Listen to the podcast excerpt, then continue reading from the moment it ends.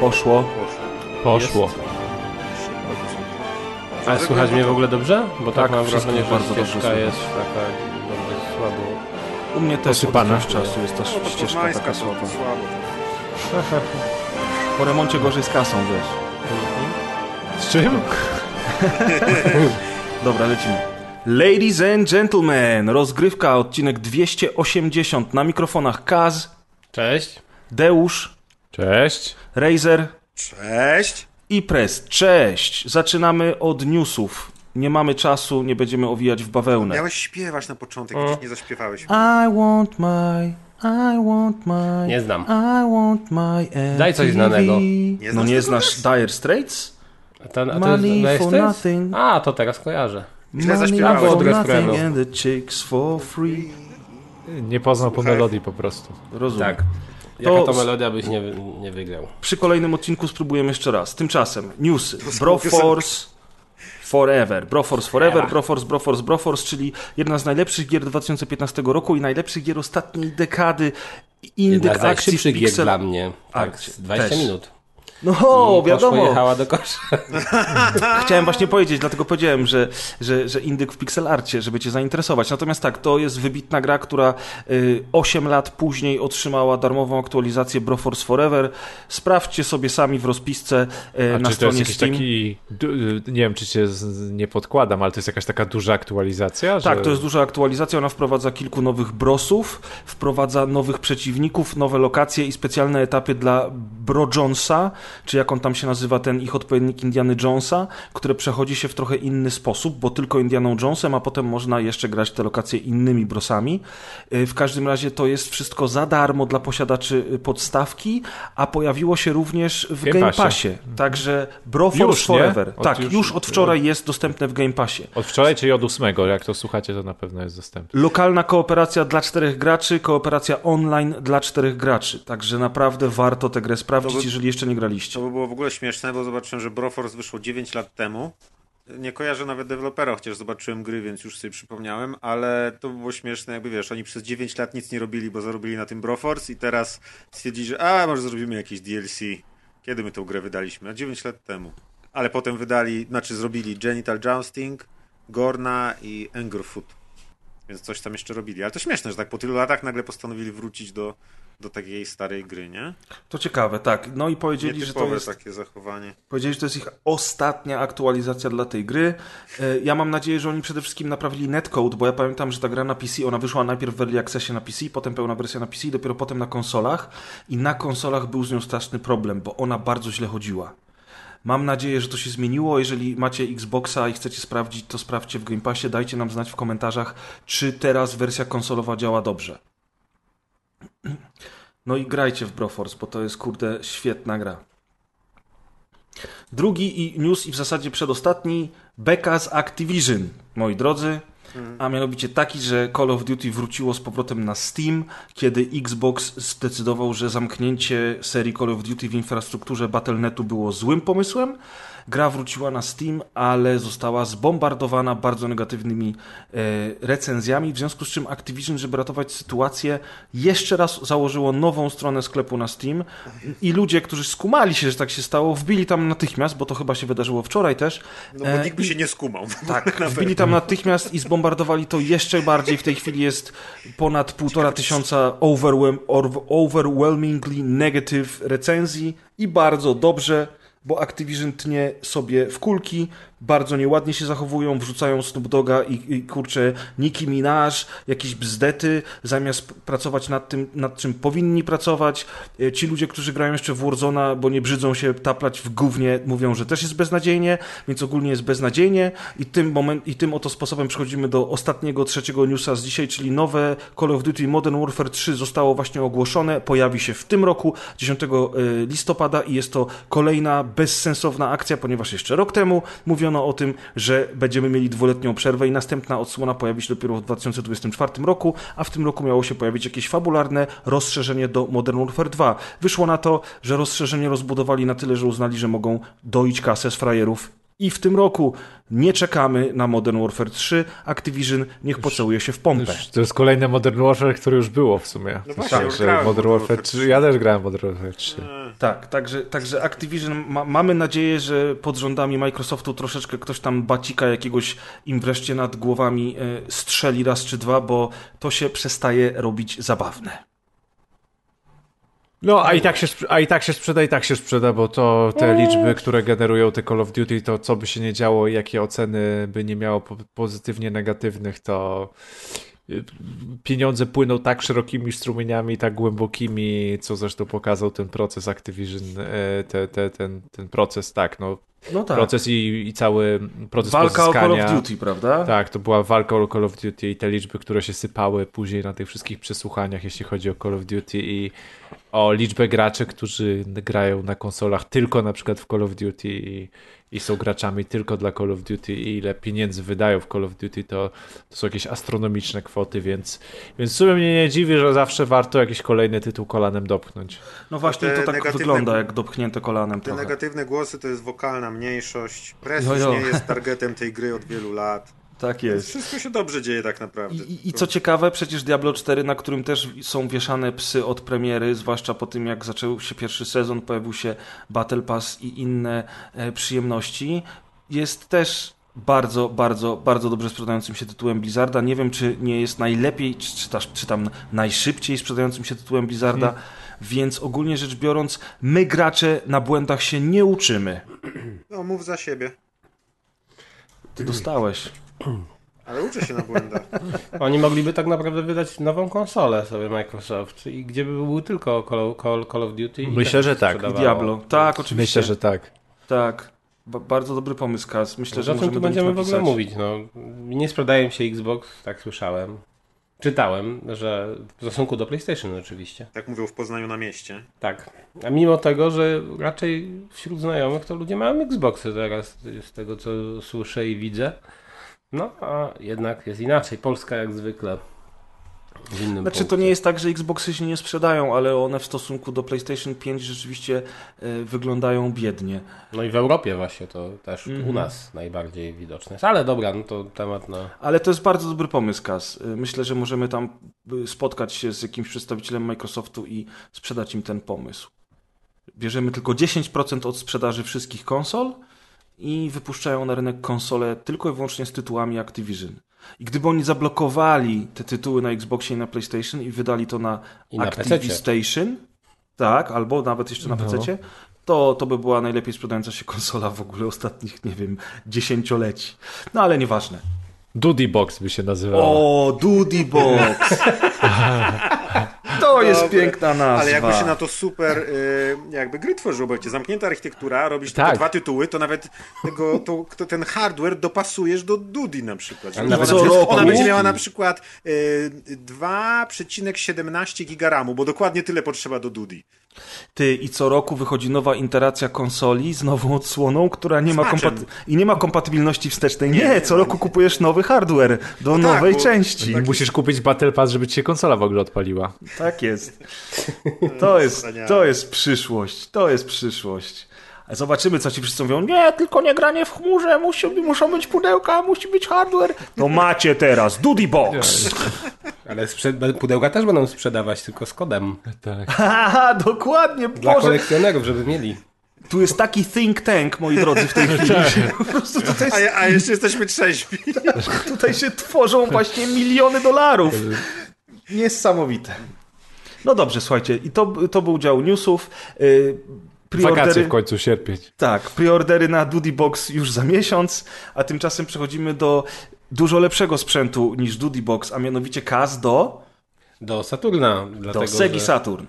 że tutaj y, Maciek i Press y, mieli przyjemność u mnie ograć parę gier na Saturnie. No Mieli? ch- chciałem Mieli. zapytać, jak wrażenia. No ale nas podszedł. Podszedł, to ja zacznę szybko. Yy, bardzo mi się dobrze grało, chociaż yy, miałem straszny problem już z Pierwszy raz dotykałeś Saturna, tak? Czy Tak, pierwszy raz dotykałem Saturna, ale graliśmy w takie gry jak Sega Rally czy Daytona, w związku z czym gra... znałem już te tytuły, ale graliśmy też w Panzer Dragoon 2, o ile dobrze pamiętam. Tak. i wszystko super. W ogóle w Panzer Dragoon 2 miałem okazję zagrać pierwszy raz i bardzo mi się spodobało. Tylko rzeczywiście miałem problem już z tym kontrolerem, zwłaszcza w rajdówkach. E, no tak, ale to był problem wynikający z tego, że to nie był analog stick, który Mhm. również wyszedł do Saturna i który wspiera wiele wyścigówek i w których to grach faktycznie on jest wykorzystywany dobrze. No i działa to zdecydowanie lepiej. Oczywiście, e, natomiast same pady, jeżeli nie bierzemy pod uwagę gier e, wyścigowych, tylko no bardziej takie gierki 2D, to moim zdaniem najlepszy pad.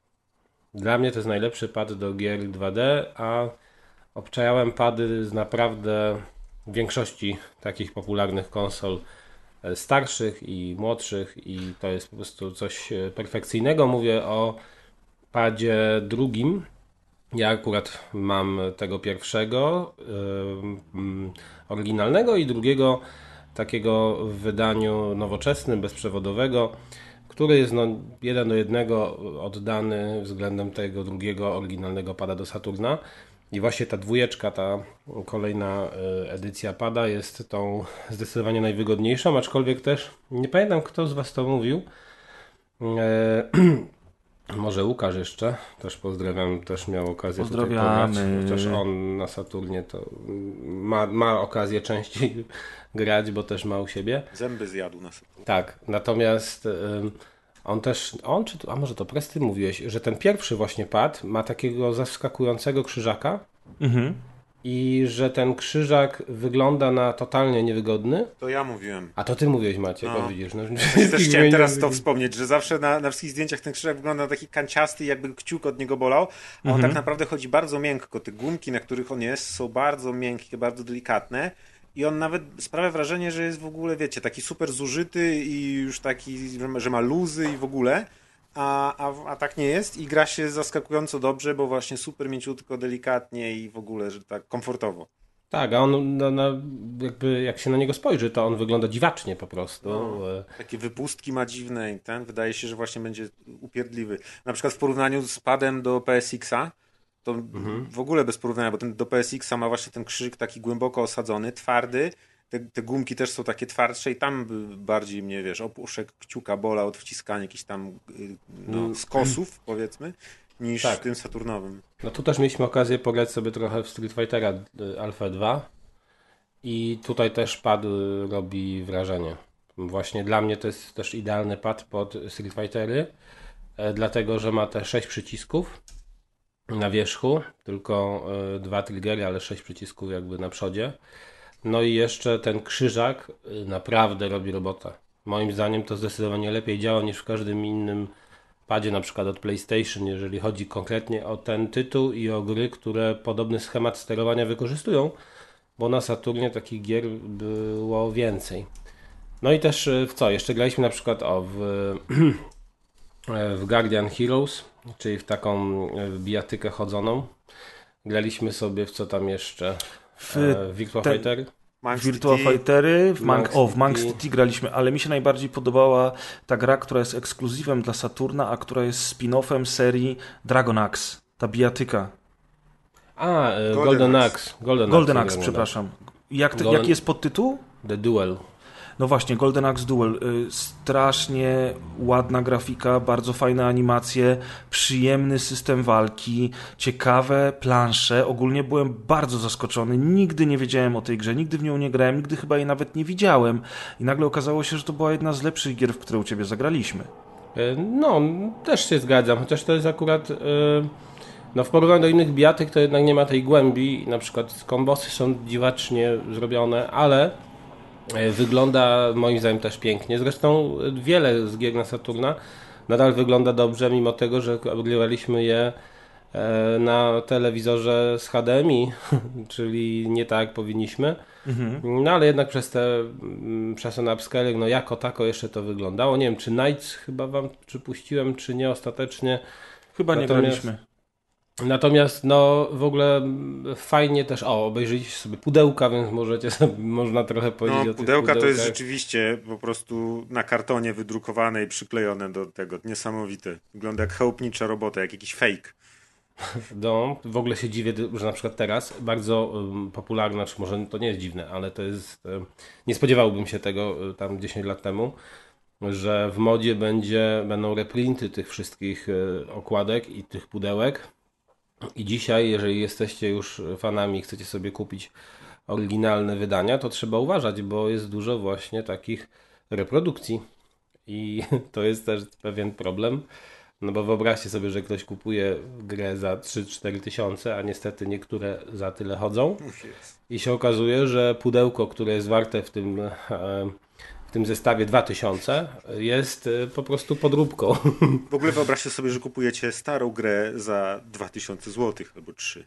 No ja jestem bardziej sobie w stanie to wyobrazić niż kupić nową grę za tyle. A w sensie nawet nowe, nową grę za powiem, 500. Są ta, nowe są tanie, nowe są za 300, Ale właśnie nie za wiesz, 3000. y, jestem bardziej sobie w stanie siebie wyobrazić, y, że kupuję sobie starą grę za 1000 zł niż nową za 500. A to z tego względu, że przynajmniej wiem, że ta stara za ten 1000 ona trzyma cenę i jest mało egzemplarzy na rynku, więc ta cena będzie utrzymana. Czyli jeżeli będę chciał kiedyś sprzedać, to prawdopodobnie nie stracę dużo, a raczej zyskam. Natomiast jakbym miał kupić dzisiaj za 500 zł grę nową, która po miesiącu będzie za 100, no to dopiero Będzie bym w sobie pluł w brodę, albo będzie w bundle. Na Epiku za darmo. No, także y, fajne, fa, fajne też to doświadczenie było, że sobie razem siedzieliśmy i gadaliśmy i ogrywaliśmy tytuły sprzed 30 lat. Bardzo Też- fajnie. To było najgorsze sprawa. akurat, no ale... Nie, bo bardzo, bardzo, wiesz, wiesz co, bardzo fajnie mi się grało we wszystko tak naprawdę z wami, no bo wiadomo, z wami, ale jedna taka myśl wtedy mnie przeszła, zresztą dyskutowaliśmy o tym z Łukaszem e, w czwórkę. Łukasz, pamiętacie, mówił o tym, że jego brat to wtedy jak e, Sega Rally wyszło na Sega Saturna i oni mieli tylko to, to grał i grał i grał i miał te trasy opanowane do perfekcji i przeszedł całość. Po czym drugiego dnia bodajże Łukasz usiadł do Sega Rally i na naszych oczach przeszedł również całość, co wcale nie jest takim prostym, No właśnie, słuchajcie. ktoś nie wie, to, to Sega Ride jest trudne. Znaczy, zaliczył trasy. tam Znaczy, nie, zaliczył wszystkie tak, zaliczył wszystkie trasy i myśmy liczyli na to, że, bo, bo w Sega Rally jest tak, że są trzy trasy i dwa samochody. I teraz jeżeli zaliczy się całość, to odblokowuje się czwartą trasę i trzeci samochód. Ale Tylko tam jak są jeszcze wymagania do tego. No właśnie o to mi chodzi. Że jak już to wszystko przejechał, to się okazało, że żeby odblokować te wszystkie rzeczy, to trzeba przejechać chyba na pierwszym miejscu w ogóle to Sega Rally, co, co mi się wydaje niemożliwe. no, oczywiście jego brat wtedy za mało lata to zrobił. Teraz użyliśmy kodów. Okazało się, że czwarta trasa to jest tak zrobiona troszeczkę na odwal się. To jest tak trochę jakby został im odpad, który dodali jako bonus. No a ten trzeci samochód jest dosyć trudny w obsłudze, ale to już nieistotne. I wiecie, co mi wtedy przyszło do głowy, że zobaczcie, jak wtedy jakby ciężej było dostać się do gier, mieć takie porządne gry w domu, że taki port tak naprawdę gry z salonu arcade, z automatu sprzedawał się za pełną cenę w pudełku jako jeden z ekskluzywów Segi Saturn, a tak naprawdę ta gra to jest kurczę jak duże demo. No nie? Tam są trzy trasy i to jest wszystko, co się w tej ale grze to, robi. Ale to właśnie y, to są dwa aspekty. Pierwszy, że ludzie chcieli tego. Oni właśnie chcieli wtedy mieć Arcade Perfect albo niemal Arcade Perfect u siebie w domu, albo przynajmniej tak. na miastkę arcade'u w domu, bo na arcade'ach jednak ta grafika była najlepsza przez długi czas i to nie przeszkadzało w fajnej zabawie.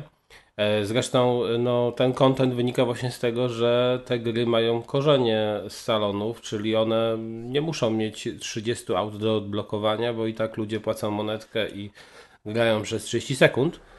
E, I tutaj wszyscy ci deweloperzy chyba wyszli z założenia, że to wystarczy i chyba rzeczywiście wystarczyło przez pewien czas. E, Natomiast e, też to jest fajna rzecz o tyle, może nie, nie to, że jest tak mało kontentu, ale to, że właśnie takie gry były popularne na tym systemie, że my dzisiaj możemy sobie takie gry odpalić i się przy nich dobrze bawić.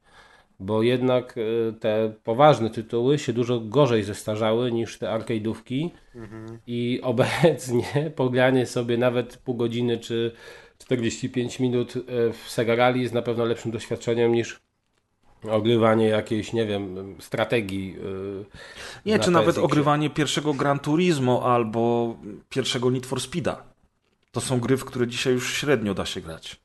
No, pewnie tak, tak. No. I to, jest, to jest też. e, dzisiaj by to nie przeszło wtedy to przychodziło i jakby się też nikt nie czepiał, bo jednak oceny były bardzo wysokie. Nie, bo tak, bo tak jak powiedziałeś, to były automaty miały wtedy najlepszą oprawę graficzną i najlepszą technologię i możliwość zagrania w te tytuły w domu bez konieczności wrzucania monetek, to już była wartość sama w sobie, ale z dzisiejszej perspektywy te trzy trasy w Sega Rally to jest naprawdę bieda. No, oczywiście. tak, ale wtedy też na przykład, nie wiem, jak przypomniałem sobie Screamer, to też nie miał wielu tras, nie? Czy coś. To tak, ale pamiętam rzeczywiście, Sega Rally miała chyba najmniej, bo już trzy to było tak naprawdę biednie i to też gracze zawsze tą grę No, a- przypominali, że ona ma tak mało tras, nie? Ale zobacz, Sega Max TT, czyli też od Segi tytuł, to samo. Tak, tam chyba No też tak, ale trasy. bo, bo na automatach to był cud, jak ktoś do drugiej trasy w ogóle doszedł. Nie? I nawet Tak, nie wiadomo, tak, ile tak. było tych tras. Zawsze była jedna, nie? Aczkolwiek na przykład w tej Sedze Max y, już nie wiem, nie, nie wiem kiedy wychodziły te, te, tytuły dokładnie, który był pierwszy, który drugi, ale już coś starali się dodać.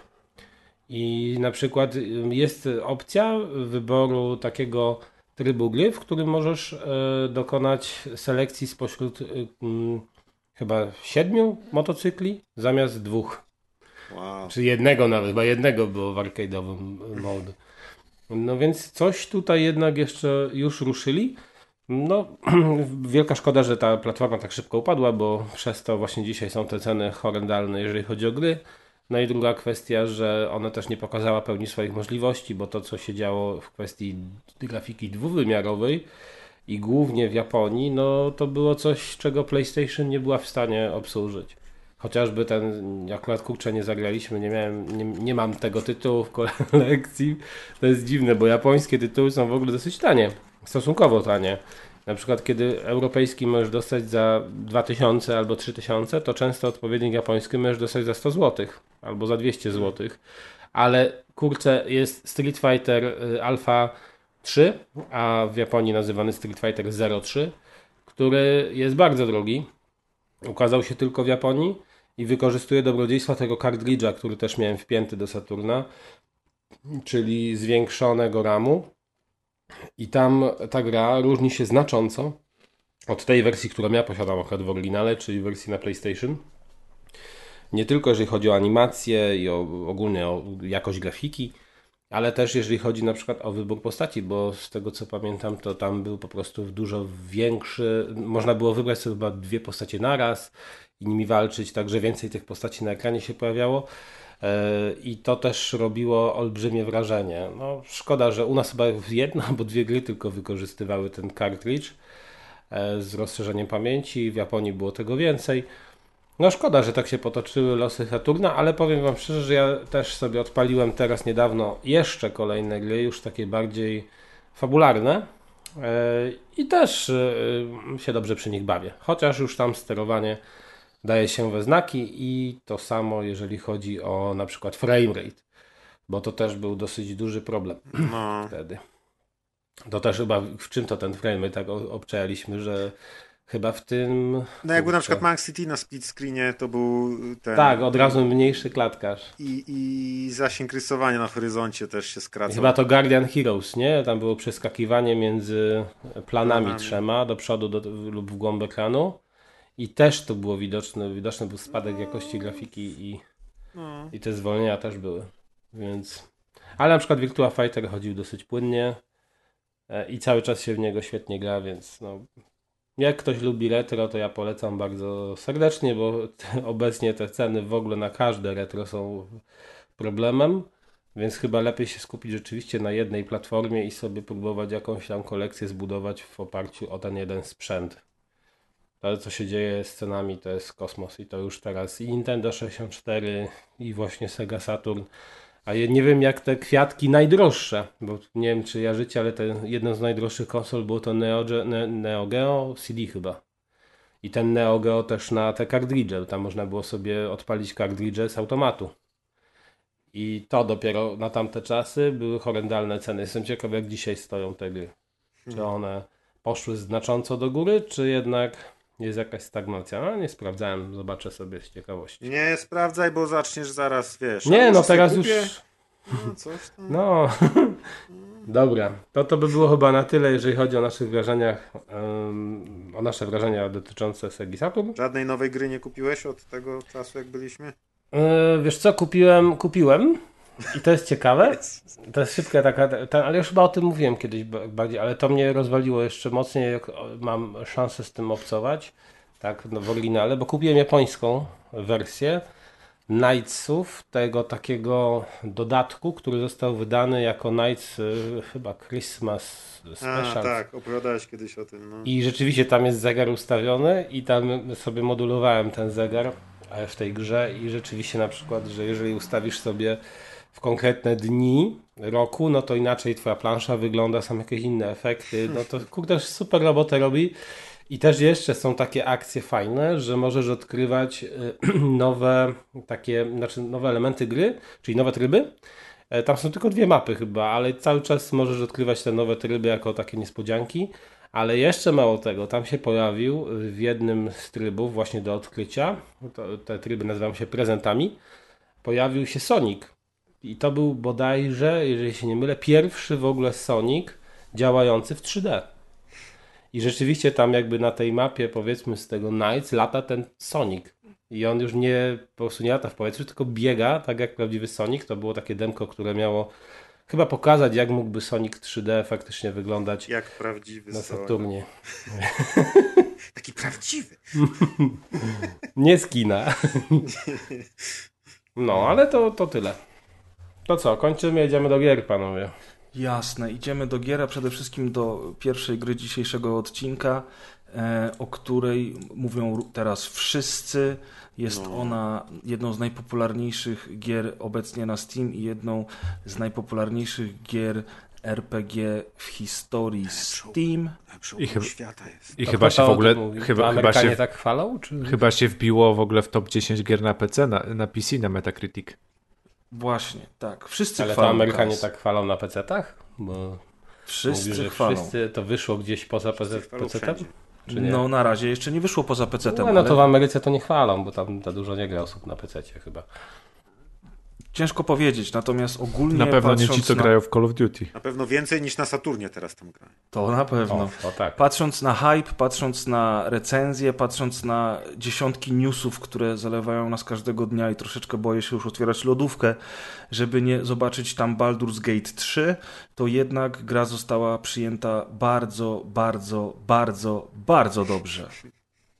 I w bardzo dobrze przyjętego Baldur's Gate 3 grał najwięcej Amadeusz, a trochę grałem ja. Także Deuszu, przejmuj pałeczkę. Jestem najmniej kompetentną osobą, żeby opowiadać o Baldur's Gate e, 3, bo jak może wiecie lub nie wiecie, Czyli mówisz, że ale- ja był bardziej był kompetentny w tym? a, e, wydaje mi się, że możliwe, że tak. Znaczy, jeśli, jeśli byśmy poszukali osoby, która e, bardziej nie lubi klasycznych gier i nie ma żadnych e, wspomnień do dzieciństwa i do jakichś takich klasycznych marek i nie lubi tego takiego gamingu piwniczakowego, gdzie trzeba Mm. spędzać nad grami dużo czasu i, i trzeba się ich uczyć i te gry są w ogóle takie trudne i to jest super w tych grach, że są trudne, to, to, to obstawiłbym swoje oszczędności na samego siebie. E, co więcej, ja w ogóle nie bardzo lubię turowych RPGów. E, w mało, w mało e, turowych RPGów grałem. W Baldura powiem wam szczerze, że nie pamiętam. Możliwe, że coś sprawdzałem, ale, ale, ale w ogóle nie mam żadnych wspomnień. Może jestem za młody, żeby mieć jakieś wspomnienia z Baldurem. Albo po prostu od zawsze byłem już ignorantem Ja też nie mam wspomnień z Baldurem, jestem e, starszy od, od najmłodszych czasów, ale jako, że się trafiła, trafiła taka sposobność, taka sposobność, że tutaj e, dysponujemy kopią redakcyjną, e, no to postanowiłem sobie sprawdzić, czy tak powiem, po latach grę, która kompletnie leży poza moim kręgiem zainteresowań i zobaczyć o co, e, o co, o co się rozchodzi ten cały, ta, cały hype. I mimo, że w tym momencie mój czas wolny można podsumować e, tym, że po prostu nie istnieje, bo w całości się skupiam na, na remontowaniu i jestem totalnie zmęczony i, e, i jedyne co mi się chce to, to spać po, po, po remoncie mieszkania. To od tego minął tydzień od premiery chyba, tak? Myśmy mieli naszą kopię na premierę. E, To chyba na save'ie mam w tym momencie 20 godzin, czyli grane jest do obiadu, w jakiejś tam przerwie obiado-kolacyjnej i, i przed pójściem spać w nocy. I wciągnąłem się po prostu, po prostu no niesamowicie żadna. Ostatnio to mnie tylko ten e, Hogwarts Legacy, e, Hogwarts Legacy tak bardzo, e, tak bardzo wciągnął. I czym mnie wciągnął przede wszystkim ten Baldur i mogę tutaj mówić przeróżne głupoty, mogę mówić pewne oczywistości, które dla przeciętnych graczy, a połowa Polski z Baldurem ma jakieś wspomnienia. Druga z Gotikiem. A druga z Gotikiem, tak, właśnie.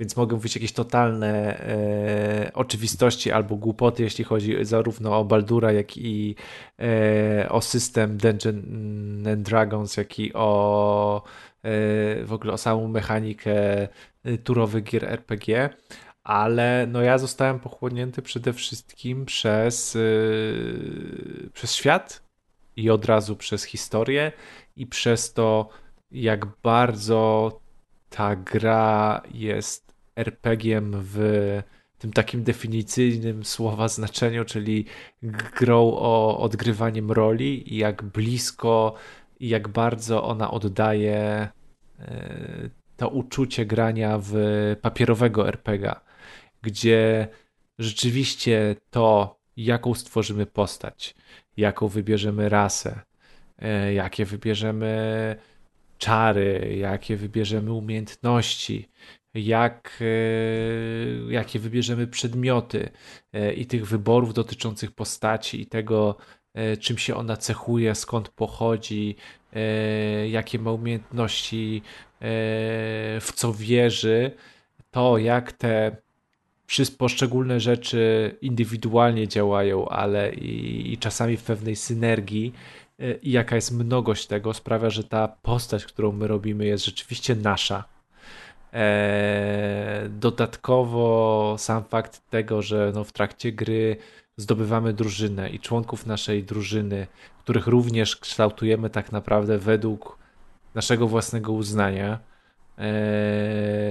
to, że relacje z nimi również prowadzimy według naszego własnego uznania.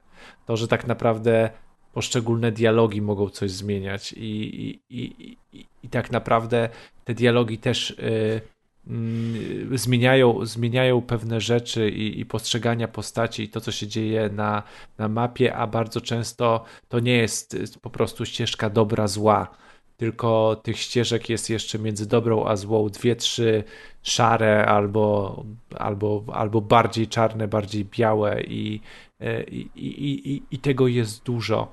E, to ja się naprawdę czuję w momencie, jak ja bym, odkry- jak ja bym grał w ten, w ten świat. Sam gameplay polegający na tym, że ja jestem rzucany tak naprawdę na tą planszę w dany świat ja sobie tą moją drużyną czy postacią, no a tak naprawdę już po kilku godzinach rozgrywki całą drużyną, że ja po nim wędruję i tak naprawdę mogę sobie wędrować w różnych kierunkach, zdobywając nowe questy albo po prostu go eksplorując E, I znowu tych questów jest bardzo dużo. Mogę wykonywać te, które mi się podoba, te, które są interesujące, że poznaję masę postaci, że powoli odkrywam ten, ten, ten, ten duży świat i, i ta główna fabuła gdzieś tam się toczy i ona jest naprawdę interesująca, a, a poza tym cały ten świat się rozwija wraz, wraz z, z, wraz z tym, jak ja gram. E, sam fakt tego, że wszystkie nasze poczynania, czyli jest masa dialogów, wszystko jest oczywiście tak udźwiękowione.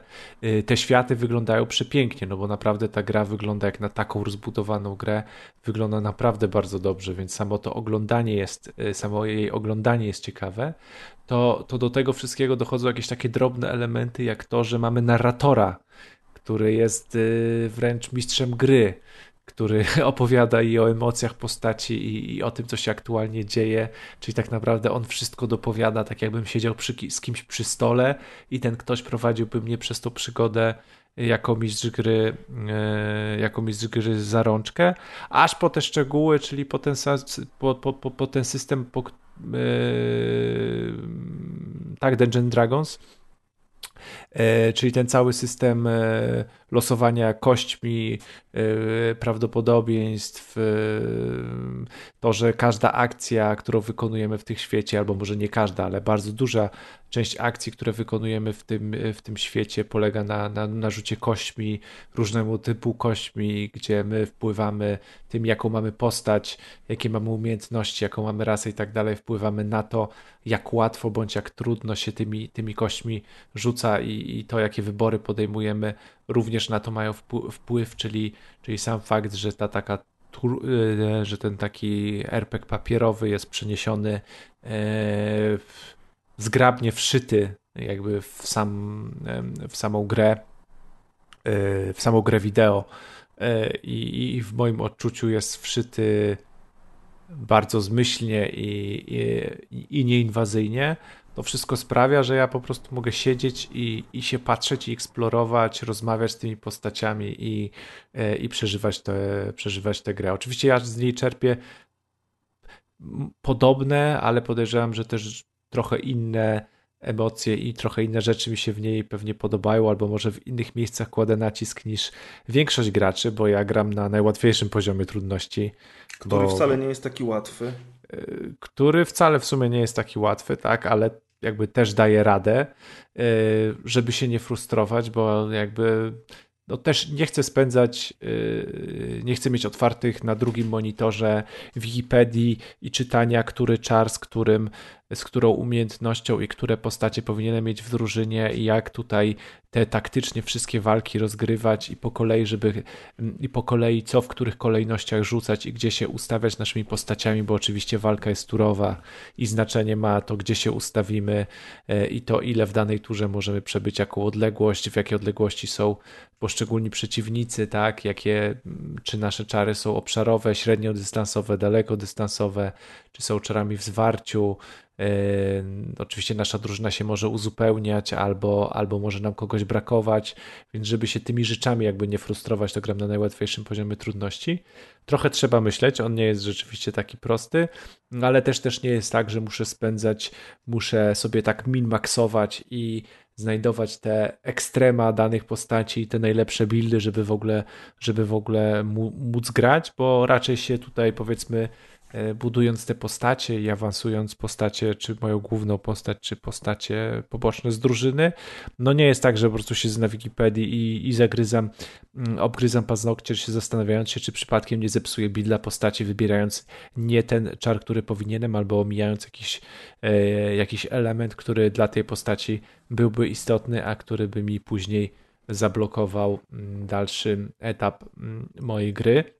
Mimo, że tak jak powiedziałem, e, dobijam sobie te gdzieś te po tygodniu te 20 godzin grania, to tak naprawdę podejrzewam, że ja tą grę polizałem od spodu, bo ja nie wyszedłem z tej pierwszej krainy.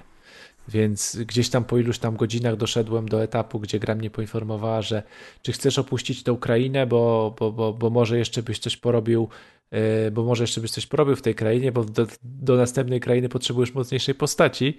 I jak gra mnie o tym poinformowała, to zacząłem sobie latać po tym świecie i zobaczyłem, po tej pierwszej lokacji zobaczyłem, że tam w ogóle to, co ja widziałem, to tak naprawdę nic nie widziałem i teraz biegam, odkrywam jeszcze nowe rzeczy i, i tych questów jest dalej masa w tym, w tym logu questowym i rzeczy, które, które jeszcze mogę zrobić, odkryć, z kim porozmawiać, kogo zwerbować do drużyny, to jeszcze, jeszcze tego, hen, hen, hen przede mną, a tak naprawdę no, jestem w tej, w tej pierwszej startowej, e, w tej pierwszej startowej e, krainie, więc podejrzewam, że w ogóle e, że w ogóle moje wrażenia to się opierają na jakiś moje wrażenia można by skrócić do jakichś pierwszych wrażeń, a, a fabularnie podejrzewam, że, że, że tam jeszcze gówno zdąży uderzyć porządnie, porządnie w wiatrak, a mimo to już teraz jest naprawdę, naprawdę ciekawie. Ale wyszedłeś w ogóle z pierwszego aktu, czy mówisz o całej krainie? Yy, o całej tej pierwszej krainie, tak. Yy, z pierwszego aktu. Yy, czy, pie, czy pierwszy akt ma jakoś zaznaczone zakończenie pierwszego aktu, że koniec pierwszego aktu wyświetlać jakaś plansza, czy... Nie wiem, panie kolego, bo ja nie wyszedłem z pierwszego Aha. aktu. ja po prostu bardzo dużo czytam teraz naszych Bo jak się nie wyświetla plansza, to nie wyszedłem w takim razie. bo, to jest, bo to jest trochę tak, że tak jak powiedziałeś, w tę grę trochę można by grać z drugim monitorem e, otwartym, z poradnikiem czy czymś takim, bo niestety Baldur's Gate 3 niezbyt dobrze tłumaczy swoje O, mechaniki. jed- o, chciałem powiedzieć, bo ja w ogóle nie grałem w RPG turowe i, i, i to, co jest właśnie najgorsze, to mam zapisane w notatkę, to przypomniałeś, ta gra no praktycznie nie ma samouczka. Ona na początek ci mówi, czy włączyć chcesz samouczek? Włączyłem, ale on nie istnieje. Dla osoby takiej jak ja, która w ogóle nie grała w tego typu gry, no to te pierwsze 2-3 godziny, to ja w ogóle sobie oglądałem na YouTubie filmy i popatrzyłem w ogóle jak się w tego typu gry gra, bo ta, ta, ta gra nic nie tłumaczy. Absolutnie nic. 3 z poprzedniego odcinka. Tak, tam samouczek polega na tym, że co 30 minut wyskoczy ci jakieś okno, gdzie jest 300 słów, że a teraz możesz sobie w sumie rzeczy wysyłać do obozu, okej. A czym jest w ogóle obóz? Czy masz go rozbijać ten obóz? To ja nie, mam obóz? W ogóle nie, no rzeczy możesz wysyłać do obozu i jolo, nie? I wtedy się dowiedziałem, że jest w ogóle obóz i to, że można, wiesz, i wpisałem sobie Baldur's Gate 3 obóz w Google i się dowiedziałem tam, wiesz, po 4 godzinach, że jest coś takiego jak obóz i jak ważny jest obóz. I nagle w obozie wszyscy chcieli ze mną gadać, z którymi, z osobami, które... Bo cię nie było 4 Ja- godziny. Tak, bo mnie nie było tam, więc, więc ogólnie takich rzeczy jest sporo, no i ten samouczek nie istnieje w ogóle, ten nie ma jakiegokolwiek tutorialu, nie? Pierwsza walka tak samo, ja nie wiedziałem w ogóle, co ja robię na tej walce. Znaczy, I czemu, akurat, I czemu ja mam ograniczone chodzenie i tak dalej, i tak dalej. no nie, no to to akurat chyba podstawy gi- gier turowych No, to tak, no ogarniasz. tak, tak, ale, że- ale tu, tu jakby jakby na tej zasadzie, że mm, gdzie mam na planszy wyczytać, ile dana postać na przykład w danym ruchu, czy ja dojdę, czy nie, gdzie jest jakaś podziałka, yy, gdzie jest, yy, czy tu system czarów się opiera na manie, czy są jakieś sloty, czy któryś czar mi zużywa więcej nie wiem, powiedzmy cudzysłowiego paliwa, slotów, czegokolwiek, czy on się będzie uzupełniał w trakcie walki, tego w ogóle gra ci nie mówi. Tak, masz, masz rację, to jest prawda. Kompletnie gra nic ci nie mówi. op- Opiera Tu się masz na, na, na dole masz czary, ona nawet nie mówi, że na dole masz czary. To się sam musisz sobie kliknąć. Ona Tak, ci nie ta mówi gra zakłada z góry, że ty już grałeś w tego typu produkcje. To jest, Tak. jakby, to jest jakby coś, co trzeba powiedzieć po- w ogóle na starcie, że ta gra uważa, że ty jesteś już wyjadaczem klasycznych, izometrycznych gier RPG. No tak, ale ona nawet własnych tych nie tłumaczy mechanik. Nie, no nie tłumaczy, czy te tak. czary są mocniejsze, ten, czy one ci coś kosztują, Tak. czy cię nie kosztują. Nic, Ona się opiera o te, o te mechaniki którejś edycji Dungeons and Dragons. Ja nie, nie powiem której, bo, bo sam nie jestem znawcą. E, Zresztą nie, nie masz no, sulejki, także. Dokładnie, chociaż założyłem taki wątek u nas na grupie rozgrywki, gdzie, y, gdzie najpierw pytałem się o pierwsze wrażenia, wszyscy byli zachwyceni, a potem zaczęła się dyskusja właśnie na temat tych mechanik, na temat poziomu trudności, który jest dosyć wygórowany, na temat właśnie tego słabego samouczka i poznawania wielu rzeczy i jakby y, wywarła się taka dyskusja między ludźmi, którzy mówią troszeczkę tak jak my, a między ludźmi, którzy mówią, no tak, ale to wszystko trzeba rozkminić samemu, y, to są takie mechaniki D&D i to powinniście wiedzieć albo powinniście się nauczyć. No Ale i rzeczywiście... Nie no, mechaniką, mechaniką nie jest, gdzie jest na ekranie w interfejsie w HUDzie. To nie jest mechaniką Nie, no D&D, czy jest prawym, czy w górnym rogu. No to jakby to nie podlega dyskusji.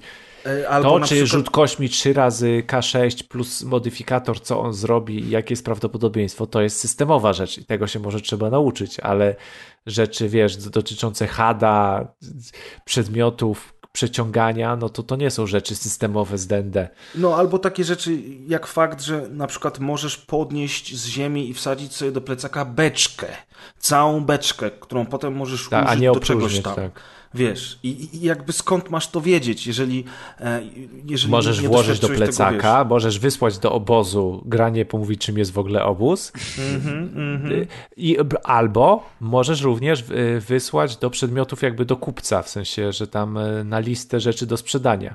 Mhm. I też nie tłumaczy tego, że to, nie wiem, to, że jak podejdziesz później do listy, do, do, do jakiegoś handlarza, to, że te wszystkie przedmioty z tej listy naraz będziesz mógł sprzedać, że w ogóle jak jesteś u handlarza, to jak się przeklikasz do tej listy, nic, kompletnie nie jest tłumaczone, wiesz, rzeczy z HADA i z takiej organizacji jakby gry yy, i tego, gdzie jest ten system poukrywany, totalnie nie. Po prostu klikasz prawym i nagle masz 10 pozycji, nie? No, znaczy tak, to, jeżeli W jaki chodzi... sposób przedmioty przekazywać między postaciami? Czy z menu kontekstowego? Czy mam wejść w menu postaci? Czy mam to przeciągnąć? Wiesz, no nic, kompletnie nic nie tłumaczę, nie? No, więc, y, więc generalnie rzecz biorąc, to faktycznie jest gra, która ma dosyć wysoki próg wejścia. Bardzo wielu rzeczy musimy nauczyć się metodą prób i błędów, natomiast już sam początek pokazuje, że to jest epicka przygoda, tak jak mówiłeś, e, z bardzo ciekawą fabułą, która rozwidla się w zależności od naszych decyzji, która daje nam różne oferty w zależności od, znaczy różne możliwości, nie oferty, e, w zależności od tego, jaką klasą postaci gramy, jakie mamy zdolności, w co inwestujemy. Tu jest bardzo, bardzo dużo ciekawych, fajnych rozwiązań, które mocno urozmaicają warstwę fabularną. Natomiast, i tutaj ja tra teraz trochę pomarudzę, to jest też gra, w której musisz cały czas robić quick save e, w której okazuje się, że ta losowość rzutu kostką, który jest dosłownie pokazywany nam podczas niektórych wyborów, podczas sekwencji, mm, jest czasami dla mnie zbyt losowa. I oczywiście y, już ludzie pisali gdzieś tam w komentarzach, że te statystyki nasze mają bardzo duży wpływ na te rzuty kostką. Tylko, że ja na razie grając odkryłem, że ten wpływ wcale nie jest taki znaczący, bo w innych tego typu grach, jeżeli ja mam bardzo wysoką perswazję, która daje mi aż plus 6 mm, do możliwości, to raczej podczas podczas rozmów, znaczy... podczas których ja wykorzystuję tą perswazję, powinienem mieć duże szanse. Tymczasem uwierzcie mi, zagrałem kilka sekwencji parę razy, robiąc savey i próbując różnych możliwości. I te rzuty kostką są tak losowe, że w jednym wypadku e, no, moja próba perswazji tak, wypada totalnie Dobrze. na zero, a w drugim wypadku wypada totalnie od razu znaczy, na maksa. Nie, no możemy to, nie, możemy to skwantyfikować, to znaczy e, to, to jest twoja taka jakby wrażenie, natomiast no, znacznie prawdopodobieństwo się zmniejsza, jeśli mamy rzut kostką dwudziestościenną. Musimy wyrzucić co najmniej 10, żeby się dana akcja udała i mamy postać, której, która nie wiem, tam nie ma charyzmy, a powiedzmy do tego rzutu jest potrzebna charyzmy i nie ma dodatkowego nic, no to ma prawdopodobieństwo wyrzucenia od 1 do 10 z dwudziestościennej kostki. Natomiast na przykład moja postać ma plus 4 od charyzmy, ma e, czar perswazji 3, to już ma 7, więc ja z kostki dwudziestościennej wystarczy, że wyrzucę 3. No to jakby prawdopodobieństwo kilkukrotnie się, się zwiększa prawdopodobieństwo wyrzucenia prawidłowego, prawidłowego wyniku u mnie, nie? Ale... Bo ja już nie muszę 10, tylko muszę wyrzucić 3, a no tak. 3 z 20, a 3 z 10, no to wariacja już jest, wariacja już jest zupełnie inna, no nie? właśnie, tak, tylko zobacz. Dungeons and Dragons z tą swoją kostką 20-ścienną bardzo się opiera jakby na losowości. To jest właśnie taki system, w którym yy, jasne, te współczynniki mają jakieś tam znaczenie, Chociaż ja się znam na edycji sprzed 15 lat. Ja taki miałem styczność z DDK-ami. Znaczy, no, można ale, policzyć, ale jakie tak, to ma znaczenie. No, tak, jakbyście jak chcecie, to wam, dajcie mi 3 minuty, to wam nie, powiem, jaka ile jest. No tak, Jakby ale... bez liczenia, bez liczenia. Jeżeli ja robię tę samą sekwencję, po quick save'ie i raz wypada mi totalne dno i po prostu nie udaje mi się ta rozmowa, a za drugim razem wybieram tę samą opcję dialogową i nagle się okazuje, że tak oszukałem gościa, że ochoczo otworzył mi drzwi. I tak się dzieje no, ale, tych ale no, trzech czy czterech spotkaniach. Ale na tym no, gry jest, polegają planszowe nie, między innymi. Ja wiem, ja wiem, że w tych wszystkich RPGach zawsze w tle jest rzut kostką. I zawsze nawet możesz pierwszych... mieć krytyczną porażkę, nawet jak jesteś mistrzem. Albo zawsze tak, nawet, nawet wiesz, w pierwszych Baldur's Gate'ach, w których niby była walka real time, a tak naprawdę tury działy się w tle, bo tak to działało. Yy, nawet tam te rzuty kostką, no wszędzie są te rzuty kostką, w Falloutie są rzuty kostką, natomiast... No ale to zależy wiem, może... od tego, jak jest cały system wokół tej kostki wiesz, zbudowany. Tylko, I też tylko, na przykład ilościenna jest kostka, bo dwudziestka jest właśnie bardzo taka swingi, czyli mhm. ma wielki ten zakres, a co innego jakby to było na kaszustkach oparte na przykład. I dlatego ludzie, zależy co kto lubi, są systemy oparte na dwudziestkach, tak jak na przykład Frostgrave, takie bitewne i tam ludzie na przykład właśnie lubią to, że są ale takie, że po prostu może się wszystko wydarzyć, bo wiesz, no biegniesz no i nagle się potknąłeś, a tu miałeś coś zrobić, co się nie miało szans, a ci się I, udało i to jest takie przygodowe bardziej, a nie takie, że ty sobie opracujesz tak postać, że no teraz to naprawdę no 5 na 6 prób nie wyjdzie, bo tak mam stworzoną postać. Znaczy wiesz co, ale widzisz, ale jeżeli to jest przygodowe, jeżeli to jest gra roleplaying, ja rozumiem o co ci chodzi i oczywiście rozumiem, że można lubić w ten sposób grać, ale jeżeli ja mam maga, który ma bardzo wysoką charyzmę i który y, potrafi nieźle ściemniać, przekonywać i tak dalej. Ale on jest teraz początkowym, to będzie do, okay, może tak będzie później, 50, 100, ale, ale Maćku, daj mi skończyć, no. daj mi skończyć przykład. Jeżeli ja w, w, w rozmowie, w której w, wybieram perswazję, w której mam najlepsze stacje ze wszystkich stacjów, rzucam kością i po prostu wypada mi jeden i natychmiast mi się nie udało, a to... potem próbuję zrobić lockpick, gdzie nie jestem specem od lockpicku, rzucam kością, wypada mi 15 i od razu wygrałem i otworzyłem ten, te drzwi, to sobie myślę, no to gdzie, to, co, to, co to jest za sens? No losowość. Tak się no, udało. No, ale to, to nie jest roleplaying. To ja nie jestem magiem z charyzmą, tylko jestem gościem, który po prostu rzuca kością, wiesz. No nie wiem. Wydaje mi się, że no wiesz, to jest jednak, no to wszystko polega, to wszystko się osadza na tym, jak duży margines tej losowości jest. Najwyraźniej tutaj jest duży. No ale I- przy, no, przy losowaniu jednej z 20 to jest okrutnie duży, nie? No właśnie, w sensie no. to jakby I to jest chyba to, W sensie- co mi przeszkadza. Dlatego, dlatego właśnie narzekasz, na przykład, w sensie, bo ty teraz narzekasz jakby na rachunek prawdopodobieństwa. No, tak, no. tak jak on działa, nie? Dla, No, Dlatego na przykład właśnie w grach różnych planszowych, bitewnych, figurkowych są przeróżne systemy. Są systemy, gdzie się rzuca jedną kością i ona może mieć 20 ścianek, a może mieć 6. Są takie, gdzie się rzuca pulę kości i na przykład liczy się sukcesy, że na przykład rzucasz y, 8 sześciościennych kostek, a sukcesy są na 4 wzwyż i tam wybierasz coś. I to są, ja jak się tym trochę interesowałem tak z ciekawości, dlaczego właśnie niektórzy mówią, że ja nie lubię kaszustek, ja tylko gram dziesiątkami czy coś.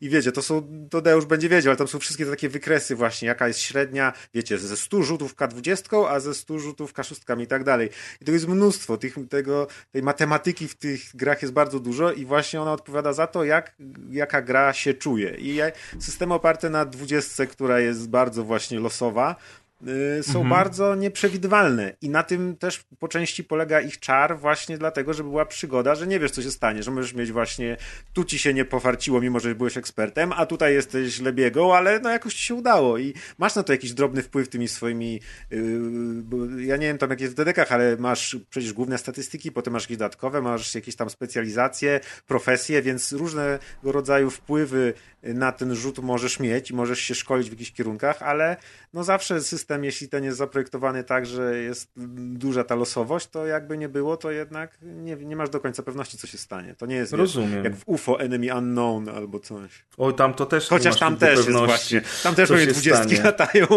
na tym, no. W każdym razie, y, okej, Maciek, wiem o czym mówisz. No i też, i, i to właśnie jest dowodem na to, tak jak nie powinieneś robić, znaczy to był dobry eksperyment z tym, że robiłeś, wiesz, save'a i próbowałeś jeszcze raz, jeszcze raz i wychodziły ci dramatycznie różne y, rezultaty, przy czym się w taką grę tak nie gra, nie? Bo do prawdziwi długiego, fani poza tym do, Baldura dłu- poza, pewnie- to znaczy, ta- no plus tam dodatkowo dochodzi mechanika, że do, pomiędzy długim odpoczywaniem w obozie, a często sobie możesz robić długie odpoczywanie w obozie, yy, masz jeszcze dwa przerzuty kośćmi przy danym losie, czyli jak coś ci źle wypadnie, to jeszcze No tak. możesz sobie przerzucić, przerzucić, a taki dodatkowy przerzut to już, to już jest matematycznie to już jest kompletnie inne prawdopodobieństwo. W sensie wiesz, no zwiększasz swoje szanse, znaczy, a przy dwóch przerzutach to już w ogóle, nie? No. Więc, więc tak naprawdę jak masz plus ileś do charyzmy, plus jeszcze dwa przerzuty, no to tak naprawdę jesteśmy w zupełnie innej sytuacji niż wylosowanie czegoś na kości 1 z 20, nie? Więc No a poza tym też cały czas myślę, że wiesz, jak grałeś jeszcze mało, to jest gra na setki godzin, więc na początku to tak jakbyś narzekał, że wiesz, w Diablo zacząłeś grać i masz pierwszy miecz i nie możesz nikogo zabić dużego, bo ten miecz zadaje trzy obrażenia zamiast 50, nie? A w ogóle nie wiem, czy wiecie ciekawostka, że Diablo 1 też się działo w turach. Na początku, tak. Nie, nie, Diablo 1 nie. Y, Diablo 1 w tle ma tury. No tak, tylko że oni je potem przyspieszyli aż do Tak. real time'u i stwierdzili, Tak. że tak jest fajnie. Dokładnie. W każdym razie, wiecie, bo to jest tak, ja trochę marudzę, ja nie znam tego systemu, ale grałem, grałem bardzo dużo w RPG od dzieciaka. Teraz po prostu jestem już starszym, mam mniej czasu, nie mam, nie mam e, wiesz, e, cierpliwości, żeby uczyć się tego wszystkiego. Nie lubię tych spędzać- fantazy w ogóle i Wiesz, wideo. nie, te fantazy są, te fantazy są spoko, y, wiesz, tylko że teraz znowu walki... ja na przykład nie lubię fantazy, a tu mi się świat bardzo podoba. W Tak, sensie... bo, to, bo on jest świetnie napisany i to jest największa siła tej gry, że jest zagrany, napisany fenomenalnie, No, wiesz, i, no, i, no i przy tych, przy, w 2023 roku, przy tych wizualiach to naprawdę wyglądają, no te miejscówy niektóre, no to kurde, no, no patrzczeny jak to wygląda w ogóle, jak to się zwiedza.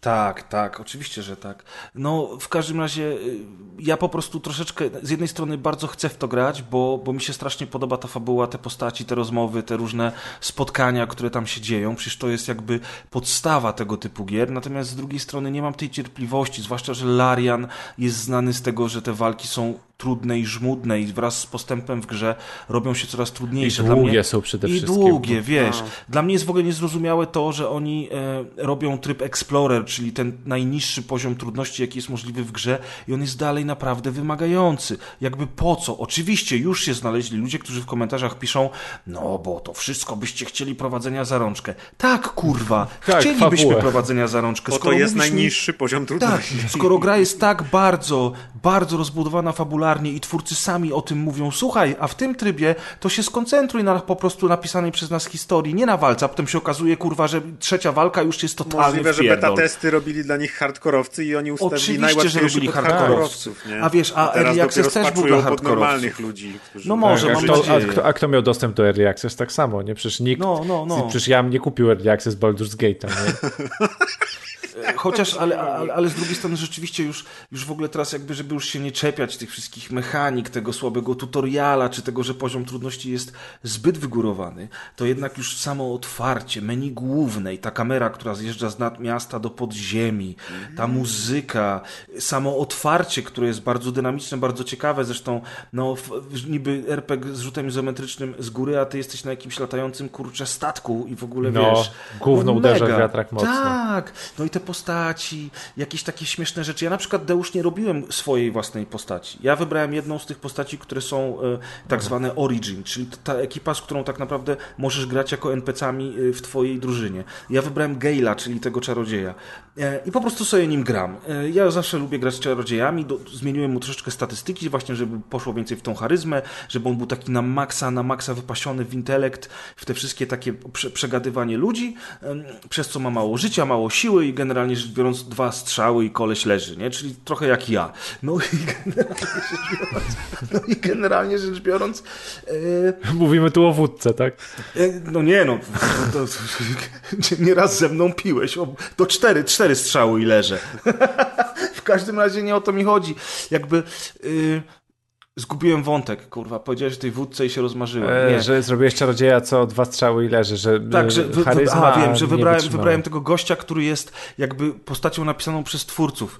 Pamiętam, że w, w pierwszym czy- i drugim Falloutie w ogóle brzydziłem się wybierania gotowych postaci i całą zabawą dla mnie było rozpisywanie na kartce statystyk i potem wymienianie się tymi statystykami z moim kuzynem, Bo z którym graliśmy, 13 wiesz, wtedy, no. namiętnie po prostu, a teraz ja po prostu chcę tą postać i chcę grać. I nagle się okazuje, że dostaję tą postać i gram. I jest bardzo fajnie, bo y, fabuła na przykład okazuje się, że moja postać y, ma jakąś klątwę w sobie, bo kiedyś bardzo mocno przekombinowała z czarami. Jeżeli ja nie będę raz na jakiś czas pochłaniał Chłaniał przedmiotów magicznych. przedmiotów magicznych, to wybuchnę. No i ty mówisz o tym, że spokojnie można często robić sobie te długie wypoczynki w bazie. Otóż no ja nie bardzo mogę robić ich zbyt często, bo jeżeli robię je zbyt często, to muszę pochłaniać te przedmioty magiczne, których wcale tak łatwo nie da się znaleźć. I to jest niesamowite. I nagle Mam cię w się- drużynie, wkurwiasz Nie, mnie. tak wkurzający jest. Wybacz. Wywal go. Wiesz, pojawia się jakiś kot ze skrzydłami, który zna mnie z przeszłości i y, trzyma się z moją matką, a przyszedł y, właśnie O. dowiedzieć się, co u mnie W ogóle słychać. interakcje w drużynie w tej postaci, gdzie już myślisz, że znasz tą drużynę i nagle się odpala w obozie cutscenka i w ogóle się okazuje, że ta twoja osoba w drużynie to w ogóle jakąś tajemnicę przed tobą chowała i zupełnie wątek fabularny Są idzie takie na boki, motywy. no po prostu... Tak, na przykład jest taki motyw, że idziecie niby spać i widzisz, że jedna z postaci z twojej drużyny gdzieś tam idzie do lasu i jest fade to black, rozpoczyna się następny dzień i tak naprawdę nie, nie wiesz jeszcze o co chodzi, ale to potem się rozwija i tak dalej, i tak dalej. No, no, no świetne są te rzeczy, kurczę. To jest to, czym powinno być RPG i Baldur's Gate 3 to wszystko ma.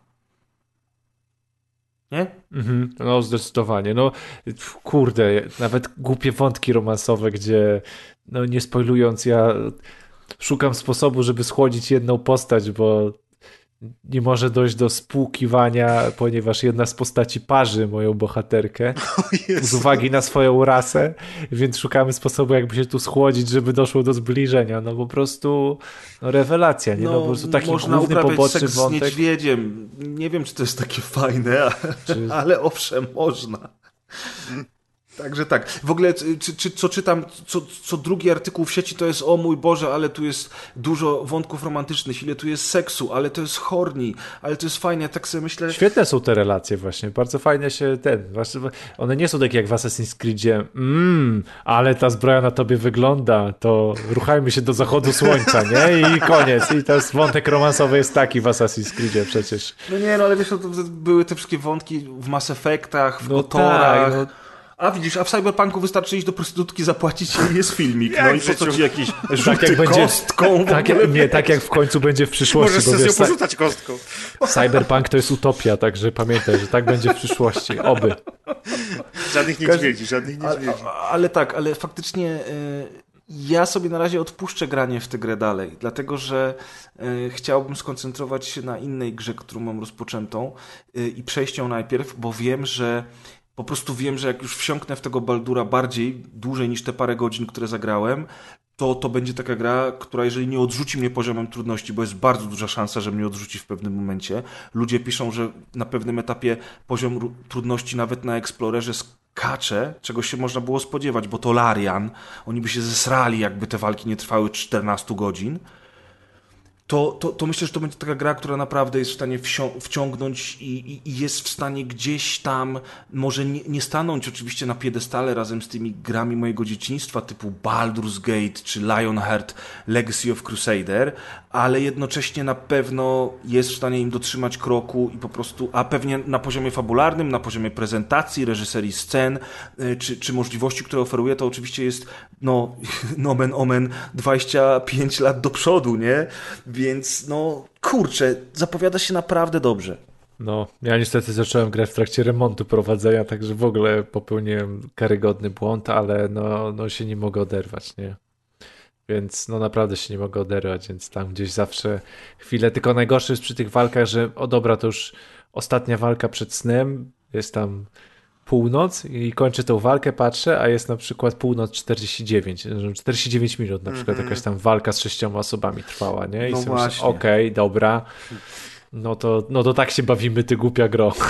No. Nienawidzę cię. Ale bawiłem się przed jak tam, wiesz, jak ten, bo nawet, bo te pojedynki są naprawdę w ogóle efektowne, w sensie sama oprawa tego, jak wyglądają te czary, które rzucamy, e, jak w tym całym środowisku, które jak, jak już mówiłem, wygląda ładnie i, i, i my już te prowadzimy walki, to one nawet tak prezentacyjnie po prostu wyglądają bardzo, bardzo zachęcająco i animacje, Plus... i efekty świetlne. Plus wykorzystywanie środowiska, prawda? Oj, tak, tak to jest to, co, w czym Larian jest do, dobry już od dawna, więc y, rzucenie smaru na podłogę, po czym podpalenie tego smaru, czy eksplozja beczki, przy czym jeżeli strzelisz w beczkę piorunem, to ona po prostu się rozpadnie. A eksplozja beczki, jak sok, sok, ktoś stał wyżej i spadł w dół i też stracił dużo życia przez tak, to. Tak, można kogoś wysoko... zepchnąć w ogóle ze skarpy. W ogóle większość pojedynków tak naprawdę jest wielopoziomowa.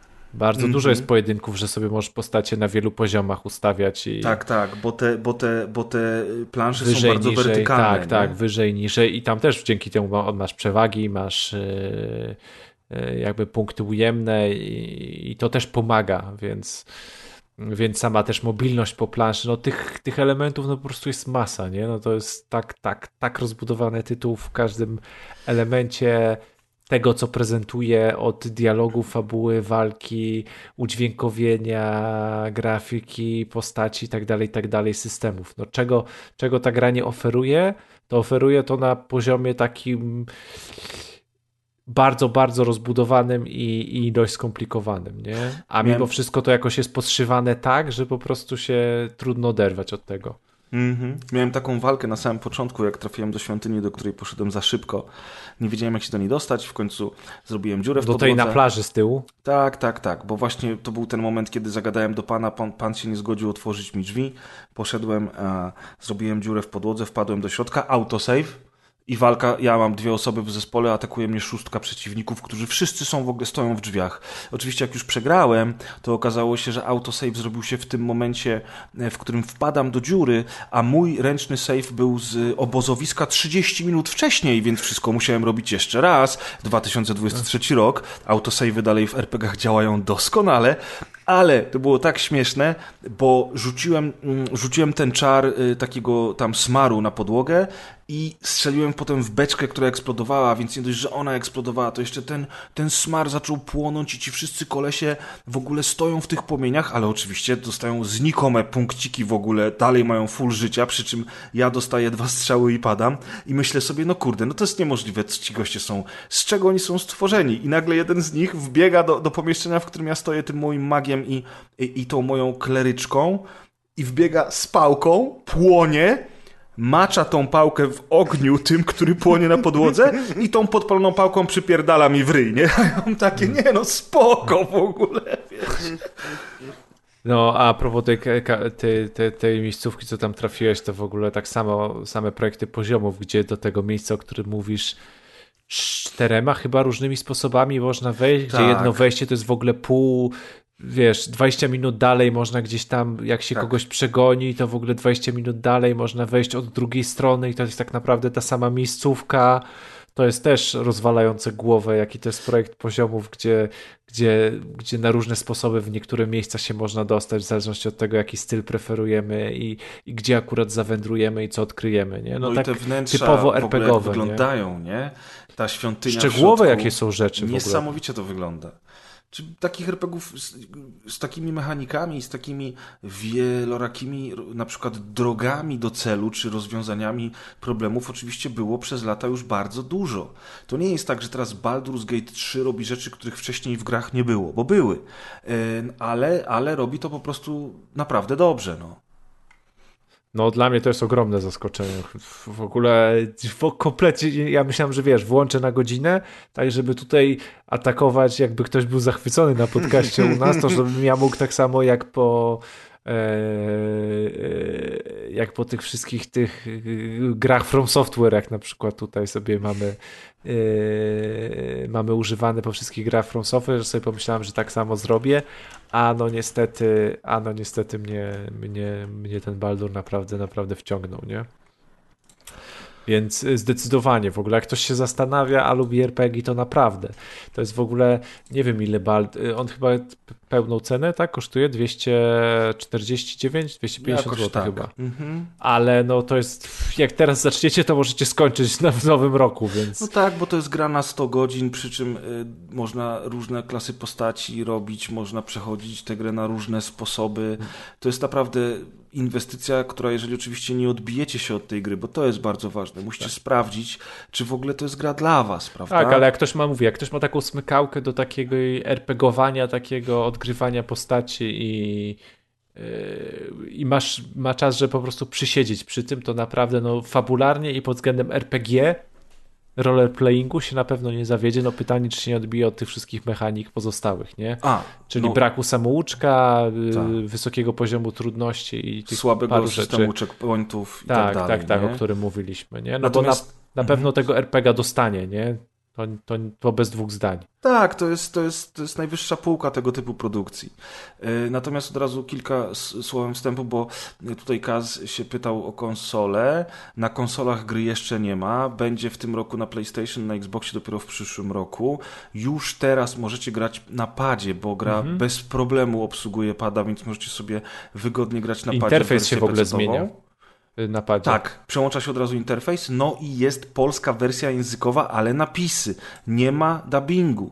Dubbing jest bardzo dobry, ale angielski. Więc jeżeli chcecie grać po polsku, to będziecie czytać napisy. To i tak chyba nieźle jak na taką grę, że jest choć napisy nawet Z jak taką ilością nie- dialogów. Z- Tu, zwłaszcza, że słuchajcie, tutaj nawet jest narratorka. Tak, Taka- tak, ta- tak. Taki mistrz gry, który Mistrz czyta gry. niektóre fragmenty. I mówi, i wtedy Amadeusz zapomniał zasejwować. Szczególnie, że ta narratorka jest potrzebna też fabularnie, nie spoilując jakby, ale ona jest ona jest jakby potrzebna też trochę fabularnie, żeby tłumaczyć pewne rzeczy, które się wydarzają w głowach bohaterów. A, no tak, oczywiście, że tak, masz rację. Więc, ale tak, dubbing jest fenomenalny, naprawdę. To się, Mhm. czy, to się słucha jak, y, jak jakiejś takiej dobrej animacji albo dobrego filmu, bo, bo, bo, bo, bo są super zagrane te postacie. Mimo takiej masy dialogów, nie? No bo to tak naprawdę przy tej masie dialogów, żeby, żeby aktorzy nie, nie byli znudzeni czytając po prostu te tony tekstu, to też jest wyzwanie. No, no, no, no. No i wszystko jest udźwiękowione. To jest bardzo ważne. Nawet rozmowy NPC-ów, którzy na przykład od nas odchodzą po spotkaniu, są udźwiękowione, więc możemy usłyszeć, o czym jakaś postać czy postaci mówią, kiedy już skończyliśmy z nimi dialog. Także jest tutaj naprawdę to wszystko zrobione na bardzo wysokim poziomie. No myślę, że jeszcze wrócimy pewnie za jakiś czas może. Za jakieś 5 lat, nie? Jak przejdziemy. No, to jest 280, myślę, że rozgrywka 300, może coś jakiś... może, na no, mo, może na 300 akurat. Wyjdziecie z tutoriala, to A, coś a opowiecie. właśnie, a Maciek, ty jakby z racji twojego, że tak powiem, podeszłego wieku, to ty nie jesteś jakiś baldurowy czy coś? Myślałem, że RPGowy albo coś.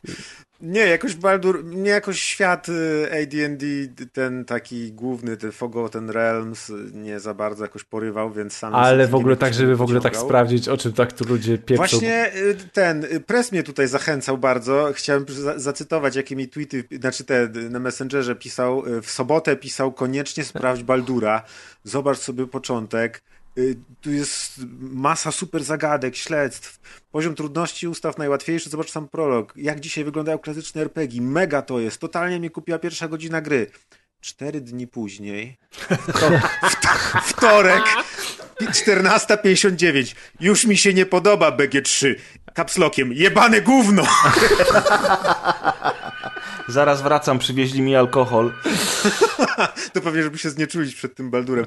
Znaczy, rzeczywiście, po prostu plaga newsów o Baldurze jest gigantyczna. Spodziewałem się, że, że będzie tego dużo, no bo to jest duży tytuł, znane studio i zapewne udany tytuł, no bo Larian złym studiem nie jest, doświadczenie już ma, ale to, co się wydarzyło tu po premierze, po prostu wiecie, cały e, Twitter. Zresztą, coś... chyba, zresztą chyba Larian sam powiedział, że oni się w ogóle nie spodziewali, że tyle będzie no osób te, grało to, to, na Steamie i że takiego w ogóle sukcesu no, się gry nie spodziewali. No, szczególnie, że właśnie ten Bardur jakby był w Early Accessie, czyli można tak, tak. było w niego grać w ten początek w jakiejś tam formie, ale to nie było tak, że wiesz, wszyscy super wygłodniali, znaczy byli, ale mogli być jeszcze bardziej. Zresztą ja jako ignorant, jak na przykład jakichś rzeczy nie potrafię albo czegoś szukam i na przykład wiesz, tam wpisuję, nie wiem, Baldur's Gate 3 i na przykład nazwę jakiejś miejscówki na YouTubie, żeby zobaczyć coś, gdzie coś jest i ten, to mam na przykład filmy sprzed dwóch lat, które pokazują, wiesz, i najlepsze, że zupełnie inny interfejs, w ogóle mapa tak nie wygląda, A, no ale tak. to jest ta miejscówka, dokładnie, to jest ta miejscówka, nie? No, nie wiem, może tak sprawdzę z ciekawości, żeby właśnie zobaczyć i, i, ten, ale jakoś w ogóle mnie nie ciągnie. Najgorzej będzie, jak skończę tak jak ty, że właśnie nie chcę w to grać, zacznę i nie będę się mógł oderwać. No tak, to jest, że nie polecam akurat. jak nie macie, jak nie macie czasu, nie szanujecie siebie lub swój sen, to nie polecam. Ale jeśli jest wam wszystko jedno, chcecie umrzeć młodo, to... Macie remont i macie wyjebane, to... Tak, i lubicie różne rzeczy. różne rzeczy, seks z niedźwiedziem. tak, nie przerażają was rasy ani specjalizacje. Rasy, pod... płcie i wszystko. Tak, to, to polecamy zdecydowanie. Nie wiem, czy Press już ma ten alkohol, czy nie, kiedy wraca, ale wydaje mi się, że chyba wstępnie o Belturze to, to chyba tyle. Wszystko. No. I byśmy mogli przejść do następnej to ja teraz, gry. To ja teraz przejdę do kolejnej gry. To będzie taki dziwny tytuł, pewnie nikt nie słyszał. Dobrze, jak nawet Five Pirates of Mara. Jak nikt? Chciałem powiedzieć, że jak ostatnio były Steamowe parę tygodni temu, miesięcy temu, te Steamowe wszystkie dema, to ja mu wspominałem o koła i nawet chyba ty powiedziałeś, że całkiem nieźle wygląda. A może widzisz? No, ale bo, bo ja grałem w demo, także... Ale nie wiedziałem nawet, no zapomniałem o tym, może rzeczywiście tak było, bo pamiętam, że mówiłeś o jakichś platformówkach, a to mi widocznie ten tytuł uciekł. A gdzieś go też widziałem na jakimś teraz trailerze i po prostu otrzymaliśmy kod do niego na Switcha. On chyba na wszystko wyszedł. Podaj jeszcze raz tytuł, bo trochę cię zakrzyczeliśmy. E, Koa and the Five Pirates of Mara. Koa. Takie, tak można to w skrócie powiedzieć. I w ogóle to to jest tytuł, który jest takim rozszerzeniem idei wcześniejszej gry tego samego studia. Studio się nazywa Chibik i jest studiem z tego, co tutaj czytam, hiszpańskim.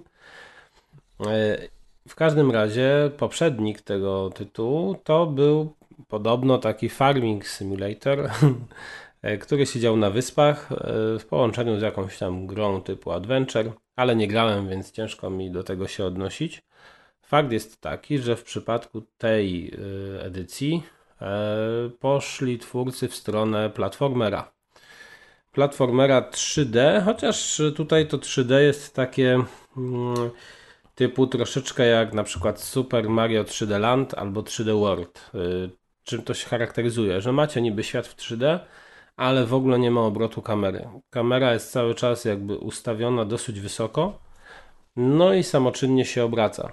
E, a więc my tylko kontrolujemy naszą postać, w ogóle się nie skupiamy na kamerze. Ciężko tu też właśnie mówić, czy trudno tu w takim przypadku mówić o takim pełnym 3D platformerze, no ale właśnie jak ktoś ogrywał 3D World albo 3D Land e, z serii Mario, to wie o co chodzi.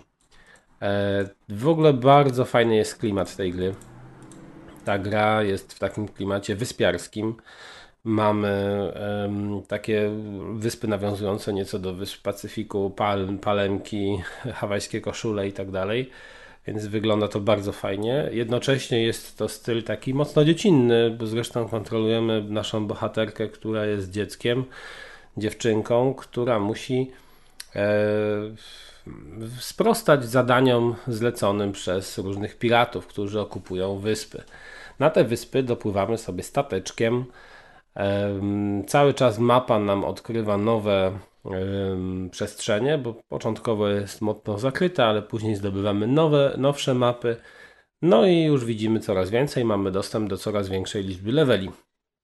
Też fajne jest to, że mimo, że jest to wyspiarski klimat, taki pacyficzny, to te wyspy są bardzo różnorodne, jak to w platformerach musi być, a więc również znajdziemy na przykład wyspę z lodem, ze śniegiem, z fabrykę jakąś.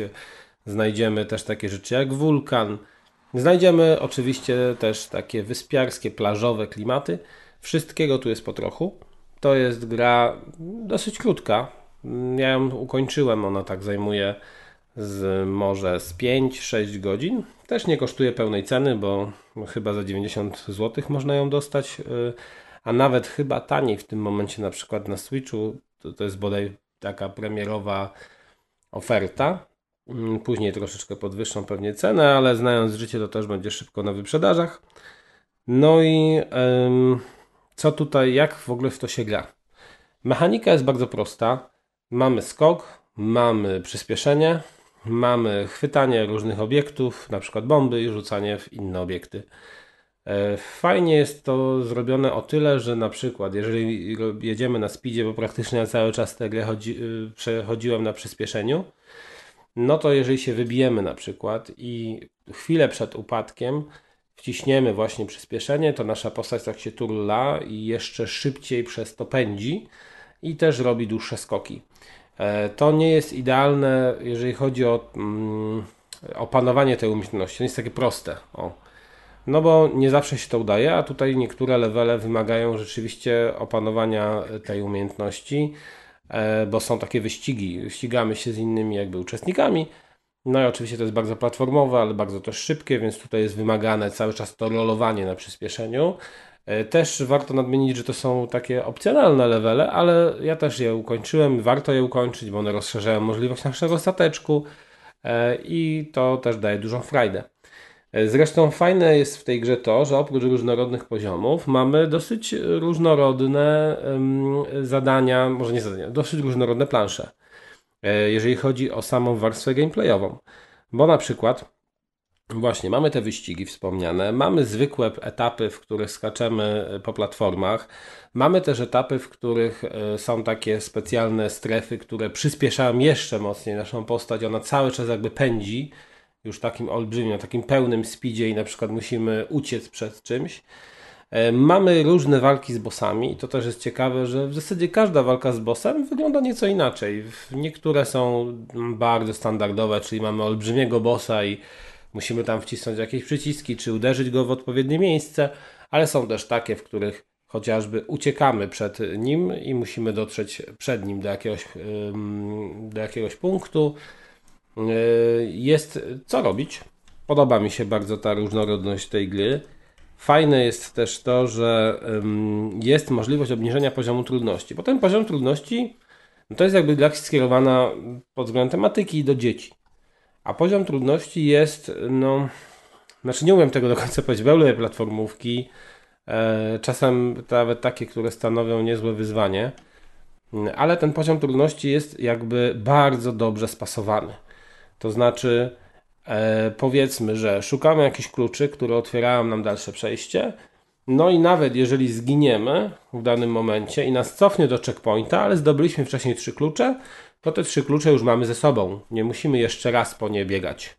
Czy też, jeżeli y, uda nam się odkryć jakąś znajdźkę i właśnie zginiemy chwilę po niej, cofa nas do checkpointa przed tą znajdźką, ta znajdźka cały czas znajduje się w naszym plecaku. Więc to jest fajne ułatwienie. Zresztą te checkpointy też są w levelach rozstawione. Może nie, nie zbyt często, ale są i też nieco ułatwiają sprawę. Ale y, jestem przekonany, że ktoś niewprawiony w platformówki będzie miał z tym problem. I tutaj na ratunek przychodzi opcja specjalna, czyli jeżeli zginiemy mm, kilka razy pod rząd w danym miejscu, to gra nas poinformuje, że możemy sobie wybrać ułatwienie. I na przykład, y, znaczy mo- możemy sobie wybrać jakby taki łatwiejszy poziom, y, w którym nie wybrałem, więc nie wiem, ale jest opisane, że, na, że powiedzmy, znaczy, że tam są jakby więcej jest checkpointów rozstawionych i gra stanowi mniejsze wyzwanie. Nie wiem, czy tylko o checkpointy chodzi, ale być może, być może też się powiększa liczba serduszek, bo mamy ich standardowo 3. Nie wiem, nie sprawdzałem. E, Natomiast wiem, że to jest super e, fajna sprawa dla ludzi, którzy sobie nie będą radzić z tą grą, bo mówię, miejscami ona bywa dosyć trudna. Ale jak na kogoś, kto lubi platformówki, to ten poziom trudności jest bardzo dobrze zbalansowany. Niestety nie jest po polsku, bo też e, jeden ze słuchaczy nam mówił, żebyśmy o tym mówili. Nie jest po polsku, wielka szkoda, bo taka gra, no fajnie byłoby, gdyby jednak wyszła w naszym rodzimym języku. Dla dzieci to jeszcze większa frajda. E, Co jeszcze jest tutaj takiego mm, nie do końca, co zagrało? Mamy, zbieramy takie muszelki, które stanowią formę waluty. No i one są w zasadzie bezużyteczne. One są tylko przydatne, albo ja czegoś nie odkryłem, ale nie sądzę. Są przydatne do zakupu takich e, mm, no, elementów, które nie są konieczne do ukończenia gry, na przykład inne ciuszki czy inny plecaczek. No, pierdoły po prostu. Ja przez e, dużo, duży, dużo czasu w tej grze zbierałem te wszystkie muszelki. Starałem się każdą jedną zebrać sobie, a tu się okazało, że po prostu one są do niczego nieprzydatne i skończyłem grę tam, nie wiem, z trzema tysiącami i tak nie miałem za bardzo na co ich wydać, bo jeden ciuszek inny opcjonalny kupiłem i to tyle.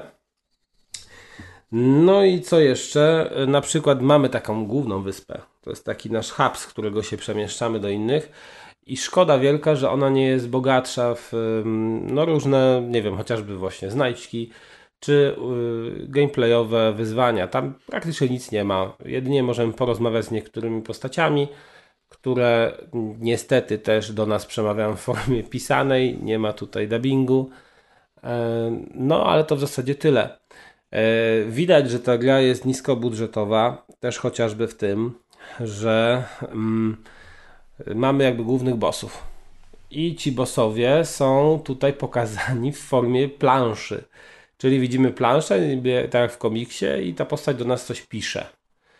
I później, nawet już pod sam koniec gry, kiedy, bo, to, bo ci bossowie to też jakby się później pojawiają, oni są też znajomymi naszej bohaterki, już na końcu gry, to nawet nie ma ich modeli postaci, które by chodziły po tej wyspie, tylko żeby z nimi pogadać, musimy podejść pod ich statek, nacisnąć odpowiedni przycisk i wtedy się wyświetla dialog. Czyli nawet fizycznie nie, umie, nie umieszczono ich modeli postaci w grze. To jest trochę dziwne. Ale może to E, kwestia budżetu. No tak, to o czym mówię właśnie o tym, że to jest kwestia na pewno budżetu. A jeżeli z nimi walczymy, to my, oni w zasadzie są zawsze na jakichś dużych machinach, więc widzimy te machiny, a samych tych postaci tam nie ma. Yy, Są też, o, takie levele na przykład, gdzie się pływa, o tym też zapomniałem powiedzieć. Też fajne urozmaicenie, to nie jest taka tragedia, jak były to levele na przykład pływane w Mario. Yy, Podoba mi się bardzo ta gra. To jest naprawdę bardzo przyjemna platformówka. E, Szkoda, że nie ma takich więcej. Ona jest no, idealnie skrojona, jeżeli chodzi o poziom trudności dla mnie. To jest rzecz, która nie jest frustrująca, która jest miejscami wymagająca, która jest bardzo przyjemna. E, No niestety widać właśnie te ograniczenia budżetowe, to jest pewien minus w muzyce. Muzyka jest spoko, ale troszeczkę za mało tu jest kawałków. Miałem wrażenie, że w wielu etapach te kawałki się niestety powtarzają, czy zapętlają za szybko, więc to też taki delikatny minusik. Ja jednak jestem bardzo zadowolony i naprawdę, jeżeli ktoś chce spróbować sobie platformówki 3D, to powiem szczerze, y, taka mała indie giereczka naprawdę robi robotę. Ostatnio Fajny chyba, tytuł, ostatnio z platformówek chyba kangur, kangur kakao polecaliśmy, nie? Z tego co pamiętam. No właśnie nie polecaliśmy do końca, bo ja na przykład nie mogłem go ukończyć. No A, i Tori no, Bo miał 3D. jeszcze... No tak, Słucham? no to z... Tori. Tori 3D też polecaliśmy. Tak, Tori Kaz 3D, polecał. no, ale- nawet, nawet ostatnio w Poznaniu trochę graliśmy. Ale Tak. czy Tori jest taką klasyczną platformówką, wiesz, o jakiej ludzie myślą, jak my mówimy o klasycznych Nie, no Tori jest no, taką raczej grą, nie, no. Która mogłaby teoretycznie wyjść na komórki. To jest, to jest taki strzał na 40 minut, czy na 30 minut i bardzo prosta wizualnie, prostacka wręcz, e, ale ładna. Natomiast tutaj to już jest no, tytuł pełną gębą. Powiedzmy, e, dawniej jakby na takim PS2 się ukazał, pewnie w pudełku mógłby się ukazać tego To, typu. to ja jeszcze dodam, bo nie wiem, czy się powtórzy, czy nie usłyszałem, Mhm. albo byłem rozkojarzony, ale ta gra kosztuje 90 zł. Tak, mówiłem, Więc- że ona około A, no tej kwoty. A nawet są promocje już teraz na e-shopie, bo patrzyłem, że jest jakaś obniżka. Jest na wszystko, eShopie na stare, na nowe konsole, na Switcha, na PC-ta, także co, czego byście nie mieli do grania, to prawdopodobnie Koa na to wyszła. W ogóle też czytałem różne opinie i dużo osób trochę narzekało na to, że nie ma wprowadzenia do tych postaci, które są w grze, bo one się powtarzają podobno z tą poprzednią grą. Jeżeli nie mamy z nimi zaznajomienia, to tutaj za bardzo nie wiemy o co chodzi. Zresztą no, fabuła jest bardzo szczątkowa, tak czy siak. Mi to jakoś nie przeszkadzało, no ale no nie spodziewajcie się, że tutaj będzie jakaś fajna historia pokroju filmu animowanego, bo niestety tego nie ma. To jest wszystko tylko ym, pretekst do tego, żeby się pobawić, poskakać trochę. Ale o, na przykład w ogóle tu jest też ciekawa rzecz, taka, która może być zaskakująca, że my w sumie tu nie walczymy żadną bronią i z tego, co teraz na szybko kojarzę, to nawet nie y, zabijamy jakichś przeciwników. Nie skaczemy po nich, nic takiego. My praktycznie omijamy przeszkody. Dopiero w walce z bossem tam teoretycznie z nimi walczymy, czyli na przykład bierzemy bombę i rzucamy w tego bossa, no ale to powiedzmy jest takie też umowne, ale samej walki tutaj nie ma. To i, dziwne jest y, też dla mnie, że mimo tego, że brakuje tej walki, to ta gra mi się tak spodobała, czyli oni tak fajnie e, to stworzyli, że nie brakuje, znaczy walka nie jest, brak walki nie jest wielkim problemem. E, Super tytuł, czyli Koa and the Five Pirates of Mara. Polecam. E, polecam. Po prostu. Nawet jeżeli nie teraz za 90 zł, to pewnie za jakieś 40 zł też będzie do dostania. Mogłoby wpaść do. Game Passa, to sobie tak... No, mogłoby, bo to w sumie szkoda mi. Właśnie ja żałuję, że nie ma tego typu produkcji dzisiaj w kwestii licencji, czyli że mamy jakiś film animowany i tego typu gra wychodzi, bo ona na pewno nie jest jakaś bardzo, bardzo kosztowna. Ale jakąś skórkę Disneya na to nałożyć i... No tak, właśnie, jakby jakąś skórkę Disneya to nałożyć. Nicki Minaj i Snoop Dogg. I na Duty Boxie od razu. No. no nie, ale pres, no to szkoda jednak, bo jak widzę tyle tych animacji teraz wychodzi popularnych i Nie, ja się z tobą tym zgadzam. Ja już kiedyś mówiłem, że dziwię się, że w ogóle licencje filmowe są tak mało wykorzystywane w grach. Tak, i wiesz, to nawet nie chodzi właśnie o taką, taki wysoki budżet, ale nawet coś w tym stylu. Coś, co dobrze jest zrobione i skrojone na miarę krótkie, na pewno niedrogie.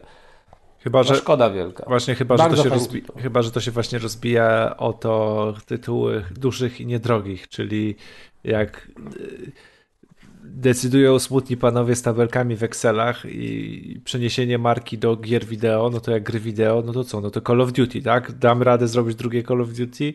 No nie, więc czy będziemy Skórki. pakowali Możemy skórki super do markę, super markę, skin, hit animacyjny, żeby się stał przeciętną średniakiem grą AA?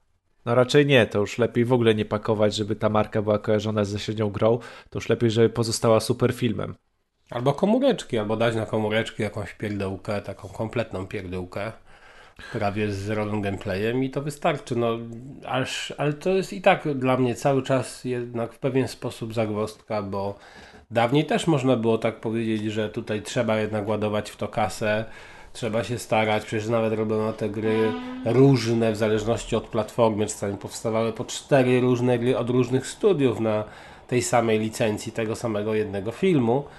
Jednak kurczę działali w tym, No, szli w to. Disneya chyba każdy film praktycznie miał w pewnym momencie, nie? Tak, i to platform- właśnie różne gry. To też jest ciekawe, nie? Że czasami się powtarzało oczywiście, ale często też bywały ten, bywały jakieś różnice. No, już nawet warto, no, powiedzmy, gameboyowe wersje to już były zupełnie inne. E, I szkoda, szkoda, że tego dzisiaj Spider-Many, na przykład to nie Disney, nie? Ale Spider-Man przecież dwójeczka, który był różną grą na PC, różną grą na konsolach. Przecież te Harry Pottery to też jakby filmy dla dzieci, gdzie praktycznie każda edycja na każdą inną platformę, znaczy może nie na każdą inną platformę, ale na PC, na PlayStation, na PlayStation 2, e, na Game Boya, na? Game Boya Advance, każda była inna. Czyli pięć różnych wersji na przykład do danego filmu. I kurczę robili to, nie? A teraz tego nie ma. No szkoda tutaj właśnie te, tego typu produkcji jak koła przypominają, że można coś fajnego jeszcze w takim dla dzieci klimacie stworzyć i warto wspierać ten projekt. Jestem ciekaw, czy oni y, pójdą za ciosem na przykład i postarają się zrobić też jakiegoś platformera następnego, czy zupełnie też zmienią gatunek. E, no nie, bo, oni w ogóle to Kickstarterowo było sfinansowane, także. O, nawet nie wiedziałem. Mhm, no, w tym roku udało im się to sfinansować. No ja polecam, nie ma chyba co więcej o tym gadać, grajcie. Grajcie. To była Call and the Five Pirates of Mara, polskiej wersji językowej brak. A teraz przechodzimy do Remnant 2, czyli mm, kontynuacji gry sprzed kilku lat, przed kilku lat, która jak się ukazała, to została okrzyknięta takim Dark Souls z karabinami. Bo No to shooter było, nie? Remnant. To czy- był taki, tak, to był taki y, shooter, looter, ale również z walką y, mili, a więc na broń białą, który rzeczywiście miał wysoki poziom trudności, zwłaszcza kiedy przychodziło do, do starć z bossami, ale miał bardzo ciekawy klimat i pomysł na siebie. Bo otóż w postapokaliptycznym świecie, w którym e, stworo drzewa z innego wymiaru zrujnowały Ziemię, Przepraszam, ale y, y, y, miał oryginalny pomysł i rozpoczęcie zdania w postapokaliptycznym świecie, to już jest no więc w 2023 roku się ale zaczyna potem, wykluczać. ale potem zainteresowałem cię stworo drzewami, tak, tak, prawda? stworo drzewa, tak. No więc, no więc stworo drzewa infekują ziemię, a my jako jeden z wielu bohaterów, którzy będą próbowali tę ziemię uratować, zaczniemy, uwaga, uwaga, żeby nie było, że to był jedyny oryginalny pomysł w tej grze, podróżować przez multiversum i tam walczyć z różnymi przeciwnikami e, w różnych światach.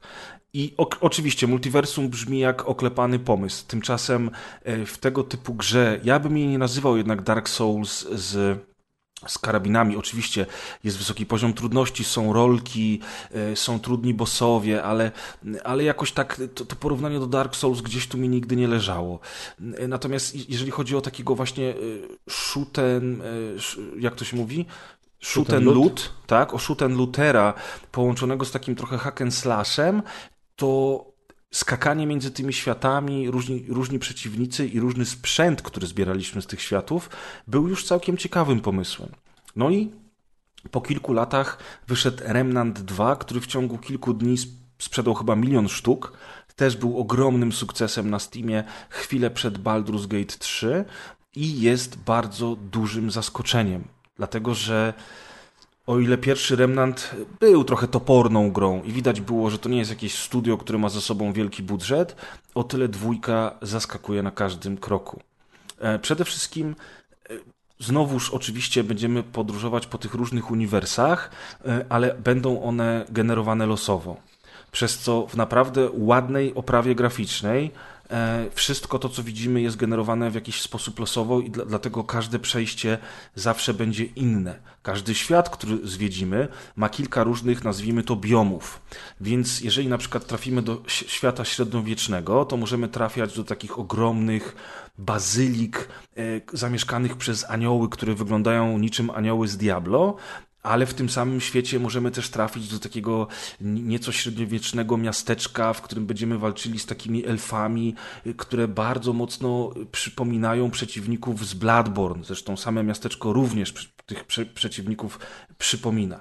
Natomiast przy innym przejściu, a o, o, jeżeli chodzi o te przejścia, to zaraz wytłumaczę Wam, dlaczego to jest takie ciekawe, y, możemy trafić w tej samej lokacji do, y, do takich podziemi, jak to nazwać, sewers, Kanały. do, do kanałów. E, I, I nagle się okazuje, że w ogóle przy pierwszym przejściu tej lokacji w ogóle taki, takiego miejsca nie było i go nie poznaliśmy. E, Co ciekawsze, e, tutaj są też różne questy, więc fabuła tej gry może układać się różnorako w zależności od przejścia. Także jest to taki, taki kurczę, ultym, ultimatywny shoot and looter e, i, i robi bardzo wiele rzeczy dużo lepiej niż robi nowe Diablo 4. Dzięki czemu w ogóle zwiedzanie tych uniwersów jest niesamowite, bo każde uniwersum jest inne i nagle z tych takich dziwnych, średniowiecznych klimatów rodem z Painkillera i Bloodborne trafiamy na jakieś kosmiczne pustkowia, które przypominają lekko design e, Beksińskiego czy projektowanie map z Destiny. I nagle w ogóle nie walczymy już z y, jakimiś takimi bladymi elfami w podartych szatach, tylko walczymy w ogóle z jakimiś y, agresywnymi robocikami, latającymi, kroczącymi, czy trafiamy wreszcie do jakiegoś takiego dziwnego wymiaru, w którym, w którym wszystko jest taką jakby porośnięte żywą tkanką, materią, pojawiają się tam jeszcze inni przeciwnicy, tylko po to, żeby z kolei później skoczyć do takich taką kamienną planetę, gdzie walczymy z kamieniami tak naprawdę, bo te twory, z którymi walczymy są stworzone z kamienia e, i, i cały świat non-stop się zmienia. I gdybyście wzięli cztery screenshoty z tych czterech różnych lokacji i pokazali je komuś, to na pierwszy rzut oka ten ktoś mógł pomyśleć, że są cztery różne gry. Tym bardziej, że poza przeciwnikami też jest inny lód. I na przykład dzięki temu możemy z, z, z, karabinem laserowym z tego świata kosmicznego wskoczyć następnie do tego świata średniowiecznego i zwalczać anioły w bazylice e, przy pomocy lasera.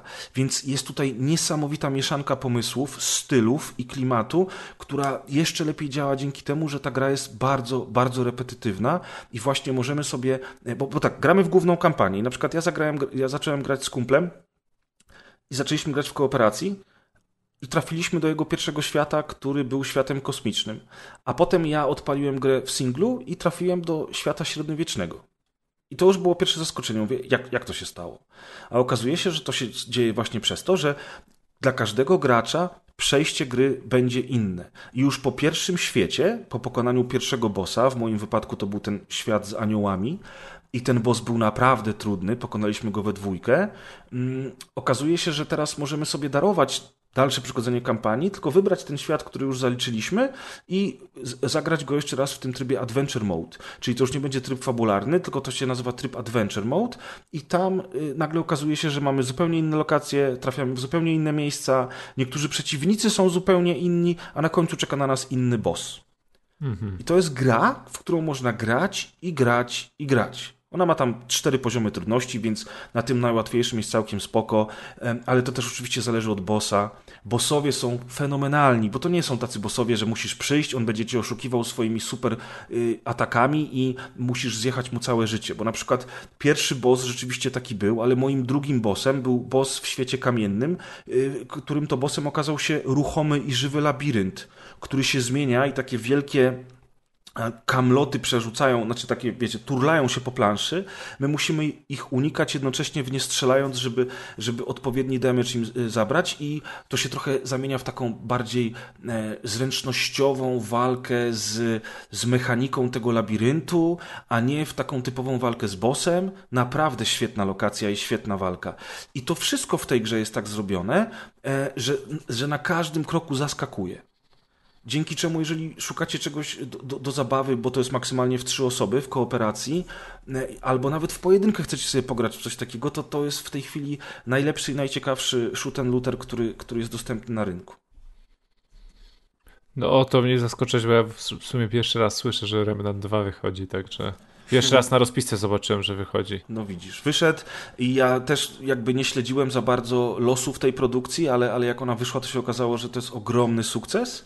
No Ludzie tak, dobre recenzje zbiera tak, tak. jak sobie patrzę, także... Tak, bardzo dobre recenzje, wiesz, i poziom grafiki, poziom mechaniki, walka, eksploracja, wszystko jest dużo, dużo lepsze niż w jedynce.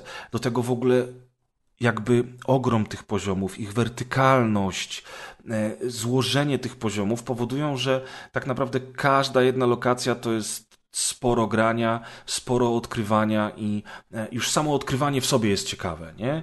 A potem trafiasz w ogóle na jakiegoś śmiesznego bossa, którego wcześniej nie widziałeś, e, z którym walczysz w kanałach i on ma jakieś swoje dziwne zachowania. I oczywiście, wiecie, to nie jest tak, że ci bossowie są wszyscy tacy oryginalni jak ten, jak ten labirynt z kamienia, ale jednak nie mam wrażenia, że gram, kurczę, w Maćku, co myśmy razem grali? W Returnal. Mhm gdzie każdy boss to jest srogi łomot i tak naprawdę idę tam, idę, idę tylko po to, żeby zginąć. Tutaj zresztą są checkpointy, to nie jest tak, że musimy wszystko zaczynać od nowa, możemy często cofać się do bazy, gdzie będziemy sobie ulepszać sprzęt, kupować nową broń, etc. Tak naprawdę jedyną wadą tej produkcji, którą ja widzę, jest fabuła. Ona jest po prostu pomijalna, nie? Dialogi, fabuła, postaci, sam cel tego, co my to wszystko robimy, totalnie odchodzi gdzieś na trzeci plan, bo po prostu nie jest interesujący. Ale ta fabuła w ogóle nie ma znaczenia w tej grze. Wystarczy sobie spojrzeć na gameplaye z niej, na grafiki, na te scenerie, które się przemierza i to jest po prostu zabawa sama w sobie. Tutaj najważniejszy jest gameplay, no i rozwój tej postaci, bo jest wiele klas, te klasy potem odkrywamy nowe, możemy odkrywać nowe e, klasy podczas przejścia gry. E, w pewnym momencie możemy zrobić sobie postać dwuklasową, która będzie łączyła na przykład zdolności lekarza, nazwijmy go, czyli takiego healera, który miał akurat gram, z gościem, który może przyzywać zwierzęta do pomocy. I co ciekawe, i to też jest bardzo ważne moim zdaniem w tego typu produkcjach, i właśnie na przykład Diablo 4 tego nie ma, i w ogóle większość tego typu gier tego nie ma, możemy przełączać się między tymi klasami w locie. Nie musimy w ogóle zaczynać gry od nowa odkrywamy to wszystko i po prostu potem inwestujemy w te nowe punkty, rozwijamy postać inaczej niż do tej pory, e, a jednocześnie na przykład nie musimy w ogóle zaczynać kampanii od nowa, bo po prostu wchodzimy sobie w ten tryb adventure, wybieramy dany, dany biom, startujemy grę i w ogóle okazuje się, że znowu mamy zupełnie inne przejście niż do tej pory. Także chyba w sumie to jest e, już w zasadzie wszystko, co było do powiedzenia powiedziałem e, i, i, i, teraz sami ocencie, czy to jest gra dla was. Bo ona już oczywiście, ja mówię, że to nie jest Dark Souls, ale to też nie jest tak, że ta gra jest prosta, nie? Trzeba umieć. Trzeba to umieć, tak. Nie ma chyba prostych Souls-like'ów. To jest chyba gatunek, który z natury... No, no bo po co grasz Souls-like'a? Chyba nie dla fabuły, nie dla poznania gry, tylko dla mechanik. Pewnie więc... są proste, tylko one wciąż są trudne. Tak, tak, są, na pewno są wymagające, na pewno trzeba trochę kombinować, no i oczywiście granie w kooperacji z innymi graczami to jest dużo lepsze doświadczenie niż granie w pojedynkę, ale ja nawet tak sobie właśnie na próbę wczoraj odpaliłem e, to średniowiecze jeszcze raz w trybie Adventure, gdzie wy, wygenerowało mi zupełnie nowe rzeczy, zupełnie nową fabułę, nowych przeciwników i grałem sobie sam i tak gram, gram, gram i sobie to, miałem troszeczkę to, co Deusz miał w przypadku Baldur's Gate 3. Zobaczyłem, która jest godzina i stwierdziłem, cholera, miałem tylko odpalić na chwilę. A do, doszedłem do bossa w ogóle, nie? I mówię, okej, okay, dobra, czas iść spać. Czyli, czyli doszedłeś do tego, że żeby się dobrze bawić, wcale nie potrzebujesz kolegów jednak. Trochę, trochę potrzebuję, trochę nie, bo podejrzewam, że, że jakbym z tym bossem jednak chciał się zetrzeć, to bym potrzebował tego kolegi. Czyli jestem taką osobą, wiesz, jak to się mówi? Zmienną jak kobieta. Nie, nie, jak to się Między mówi? Scyllą a Charybdą. Egoistyczną, tak? Że, że faktycznie wołam kolegów wtedy, jak trzeba pokonać bossa. Taka nie prawda. wiem, czy to jest definicja egoizmu w słowniku FWN, ale, ale byłaby ciekawa, jakby tak w nowej edycji było. Osoba tak. egoistyczna wzywa kolegów, kiedy musi pokonać bossa. Dokładnie Taki tak. easter egg powinien być. Zdjęcie preza obok z takim kciukiem. Tak. Z podpisem egoista. Ty przykład egoisty. Na zdjęciu egoista z wrzeszczem. I ma pudełko Remnant 2 i się uśmiecha. Tak jest. Także ja polecam y, bardzo, bardzo mocno. Y, dlatego, że to jest niesamowite zaskoczenie i bardzo wciągająca produkcja, przy której na pewno spędzę jeszcze wiele godzin. Także żałuj Maciek, że nie chciałeś w to grać. Nie? Strasznie żałuję, tak samo jak żałuję, że kolejnej gry nie będę, nie chciałem grać. Oj, teraz to, teraz... teraz to powiedziałem. To Maciek, to oplułeś na świętość. O nie. Teraz to przegiąłeś. Otóż... Y Kochani, jest taka gra, która nazywa się Arma 3, tworzona przez Bohemia Interactive. Zakładajcie mundury teraz na, na, na recenzję. Jest to seria z wieloletnimi tradycjami, a sama Arma 3 wyszła 10 lat temu, w roku 2013. I od tej pory e, bardzo mocno się rozwinęła, dlatego że poza samą podstawką, wszystkim tym, co oferuje gra w trybie multiplayer, Steam Community, które cały czas tworzy nowe scenariusze, mapy e, i elementy gry, który jest dostępny absolutnie za darmo. Pojawiły się też e, dodatki oficjalne, takie jak Apex i Contact. Taka ciekawostka, Contact jest o kosmitach i dzieje się w Polsce, mm. także Polska górą. I w końcu twórcy zaczęli udostępniać moderą, czy też, czy też swojemu community możliwość tworzenia oficjalnych dodatków, płatnych dodatków, e, które są jakby do dokupienia do tej gry. I tak oto właśnie ostatnio otrzymaliśmy maila z możliwością przetestowania e, Arma 3 Creator DLC Spearhead 9044, a więc dodatku moda który przenosi całość y, y, na teatr wojenny Normandii w roku 1944. I z... O, to gry jeszcze tego nie widziały. Tak, ale słuchaj, i właśnie z, z, tego, z tego teatru współczesnego Pierwsza działań... Normandia? No ale poczekaj, poczekaj. Z, te, z, tego teatru współczesnego działań przenosi to wszystko do II wojny światowej. Wcześniej wyszedł taki też dodatek chociażby o, o Wietnamie. Bardzo dobry, świetnie zrobiony. To są, zupełnie, to są jakby zupełnie inne gry. Mamy te same mechaniki, ale, ale cały sprzęt, wszystkie mapy, cał, wszystko zrobione jest od zera. E, no i ten Spearhead 1944 to są takie misje e, rodem z Company of Heroes, no bo pierwsze Company of Heroes kampanii działo się w tym samym momencie i w tym samym miejscu, ale obserwowane z perspektywy nas jako żołnierza grającego w, pier w, w pierwszej osobie. Więc mamy po prostu duże scenariusze, wiele różnych oddziałów, które mają swoje cele i na tej wielkiej mapie my jako jeden z żołnierzy działamy w ramach jednego z tych oddziałów. Będziemy więc dowódcą czołgu, a może będziemy e, dowódcą saperów, czy jednym z członków tego oddziału saperów, który te czołgi musi przepuścić e, gdzieś tam przez kolejne fragmenty bitwy, bo oczywiście wszystko jest stworzone w multiplayer i, e, i tak naprawdę powinno grać się w 24 graczy na tych dużych bitwach. I to jest o tyle ciekawe, że na przykład Wietnam jest zupełnie inny e, i, i, i, sprowadza się do dużo mniejszych, bardziej partyzanckich e, starć. Oryginalna Arma czy Apex traktujący o zadaniach komandosów rodem z Ghost Recon też jest inna, a Spearhead jest jeszcze inny. I faktycznie ten duży teatr działań, to udźwiękowienie, wykonanie tych modeli, tej broni, tej walki robi bardzo duże wrażenie. Jest to ciekawe, zwłaszcza dla kogoś, kto siedzi w armii i chciałby tych kolejnych elementów e, próbować. Natomiast, i tutaj zaczynają się schody. Arma 3 sama w sobie jest grą bardzo problematyczną, dlatego że w dużej mierze opiera się o procesor, a nie o kartę graficzną. I jeżeli wejdziecie na jakiekolwiek fora, community, pogadacie z ludźmi, którzy grają w to od 10 lat, wszyscy wam powiedzą to samo. To jest Arma 3, tego nie pomalujesz. Masz spadki, trudno, wiele z tym nie zdziałasz. Albo ci będzie działać, albo nie będzie działać. I o tyle jest to zaskakujące, że przy starej karcie graficznej z tym samym procesorem gra działała mi o wiele lepiej niż działa mi teraz z nową kartą graficzną, z tym samym procesorem, ale podstawka działa ok dodatki oficjalne typu Apex, który jest rewelacyjny i który polecam każdemu, zwłaszcza, że można go przejść w czteroosobowej kooperacji, działają świetnie. Natomiast to, co się dzieje przy tych DLC tworzonych przez community, za które trzeba płacić pieniądze, to kosztuje 60 zł, 70 czy 100, bo tych dodatków jest już kilka, to już jest jakaś komedia. I uważam, że to, co robią twórcy, woła o pomstę do nieba, bo oni po prostu pozwalają tym zdolnym skądinąd twórcom tworzyć te dodatki, następnie implementować je do gry i sprzedawać, sprzedawać je za, za prawdziwe pieniądze. Podejrzewam, że większość tych pieniędzy bierze same Bohemia Interactive, a potem się okazuje, że płynność i działanie tych gier woła o pomstę do nieba. Y, uruchamia się to inaczej.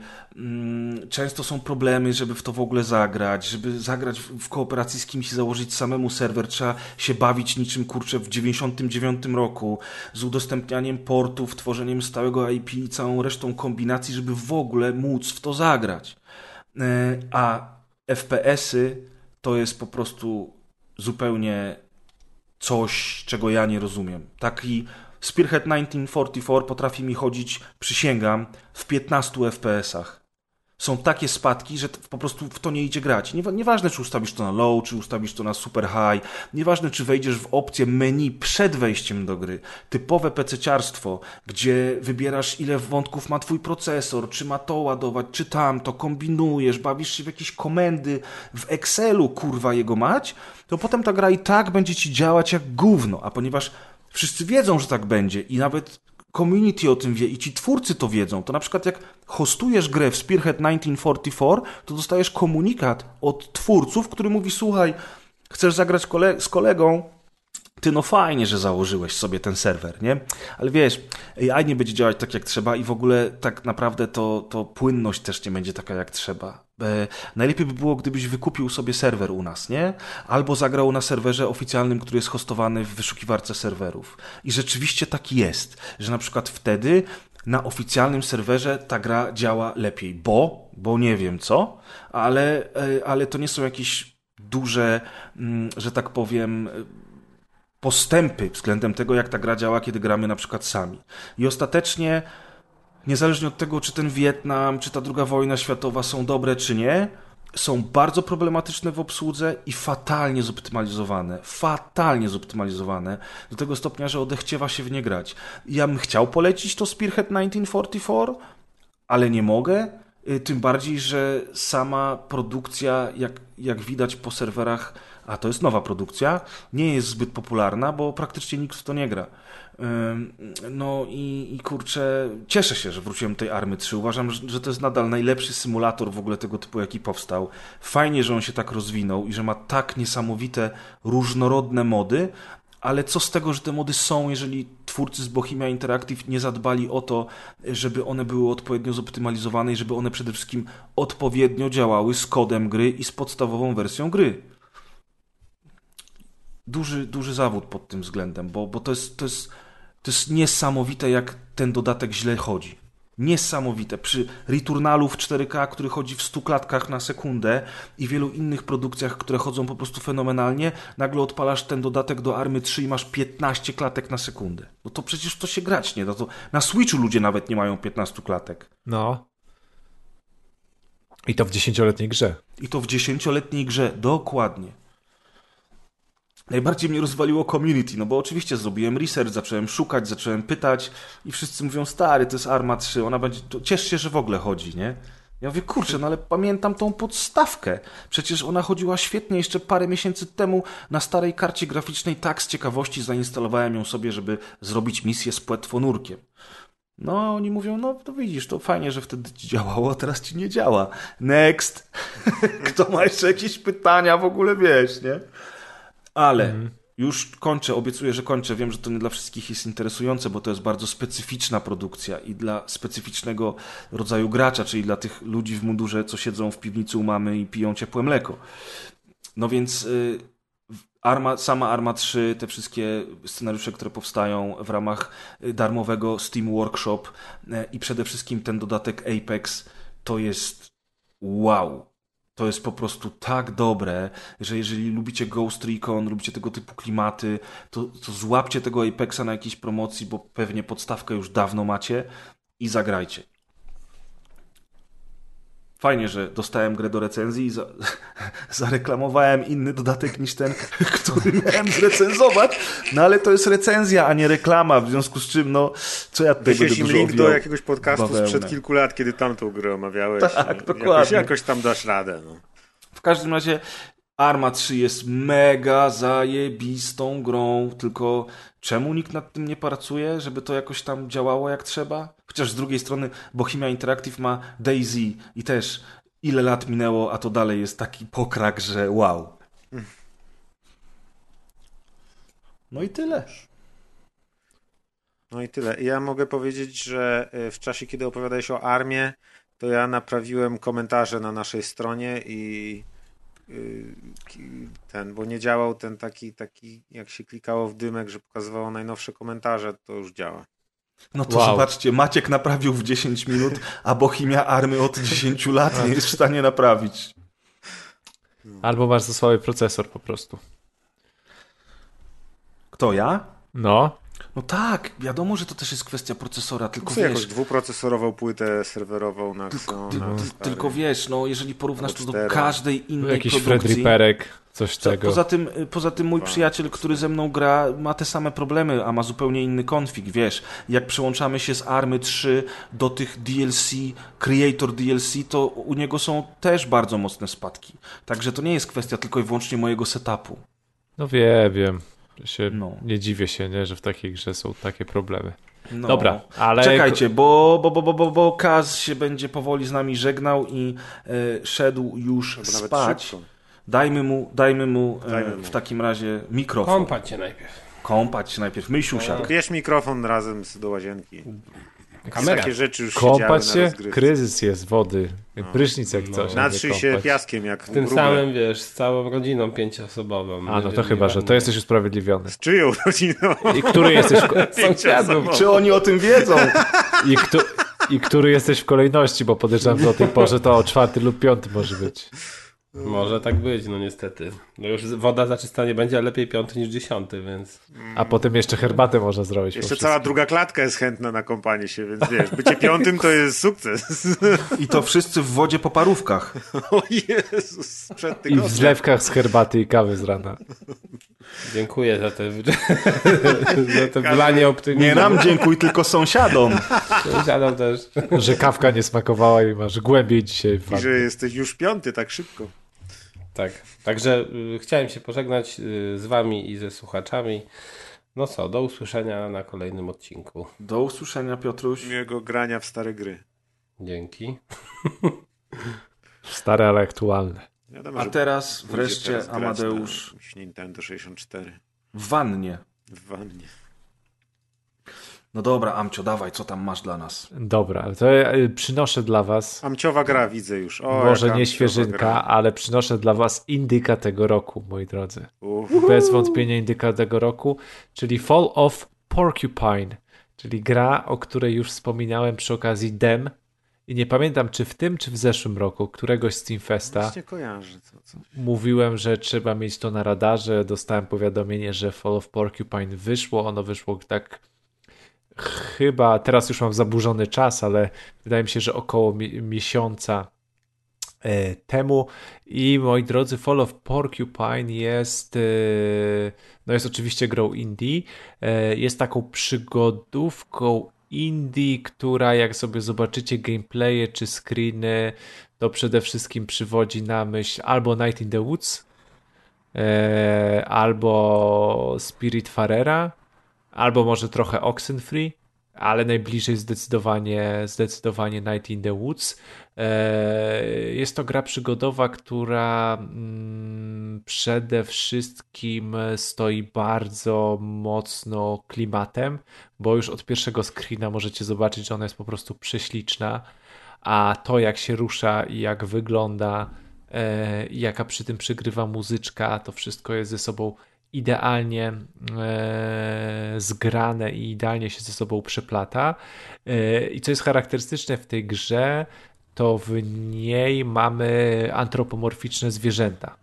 Czyli my się wcielamy w losy. Mm, e, Porcupine to jest gołąb? Nie, Porcupine to jest. Wygląda jak gołąb na zdjęciu, ale... Tu nas masz teraz. No dobra. to Dobrze, że wszystko- mamy Google. Jeżozwierz. Jeżozwierz, no A to nie, jak to- gołąb. Jak to Nie może być jeżozwierz? Dobra, to nieważne. To. bl- bl- bl- To nie Wcielamy się, wcielamy się w losy Nieważne, gołębia. nie grałem. Wcielamy się w losy gołębia, gołębia Finleya, e, który jest lekarzem. E, Przyjeżdża do miasta, e, do pracy, do, zaczyna swoją nową pracę. Pierwszą pracę jako e, lekarz. Miasteczko się nazywa Porcupine. Nieważne. E, super, świetne. Też mam poszedł i ze- od razu spadł poziom przygotowania. Tak, tak. Miasteczko się nazywa Porcupine, już przepraszam. Jakoś tak od razu mi się. Wciela mi się w gołębia, miasteczko się nazywa Jeżozwierz. E, e, I jesteśmy młodym lekarzem. I oczywiście przez to, że mamy antropomorficzne zwierzęta, to mamy e, do czynienia z innymi lekarzami, żółwiami, tygrysami, kurami. Naszymi pacjentami są świnie, krowy, e, ślimaki i tak dalej, i tak. Czyli cały ten taki e, bajkowy, zwierzęcy świat. Do tego klimat gry jest bardzo mocno sielankowy. Gra się odbywa oczywiście na jesieni. Eee, Kolory, to jak wygląda to miasteczko, takie na, można powiedzieć, trochę amerykańskie miasteczko na odludziu. Czyli taka E. zabawa trochę tytułem jest, co? The Fall of Porcupine. Tak, tak, tak. Gra się dzieje podczas jesieni w mieście Porcupine. Tak. E, w każdym razie, e, w każdym razie, no, totalnie klimat e, gry, gry Zen. E, Przez to, że my się wcielamy w tego, w tego gołębia lekarza, to można powiedzieć, że gra jest podzielona e, na dwie części, jakby się składa z takich dwóch części, z dwóch gameplayów. Pierwszy to jest praca w szpitalu, bo każdego dnia e, dostajemy zadania do wykonania w szpitalu. Bardzo proste zadania, tak? Po prostu musimy sprawdzić naszych pacjentów, e, prowadzimy z nimi dialogi, poznajemy ich historię i do tego dochodzą pewne takie mini gry mm, medyczne dotyczące jakby, nie wiem, zrobienia EKG, e, zrobienia jakiegoś badania, założenia bandaża. Zwykle są to jakieś takie po prostu proste gry zręcznościowe, zręcznościowo-logiczne, ale naprawdę proste. A oprócz tego całe 80% czy 90% gameplayu to jest po prostu chodzenie, e, odkrywanie planszy, rozmawianie z nowymi postaciami, czyli to jest taka nasza ta praca, praca w szpitalu. E, no i druga część to po pracy w szpitalu mamy e, czas wolny w miasteczku.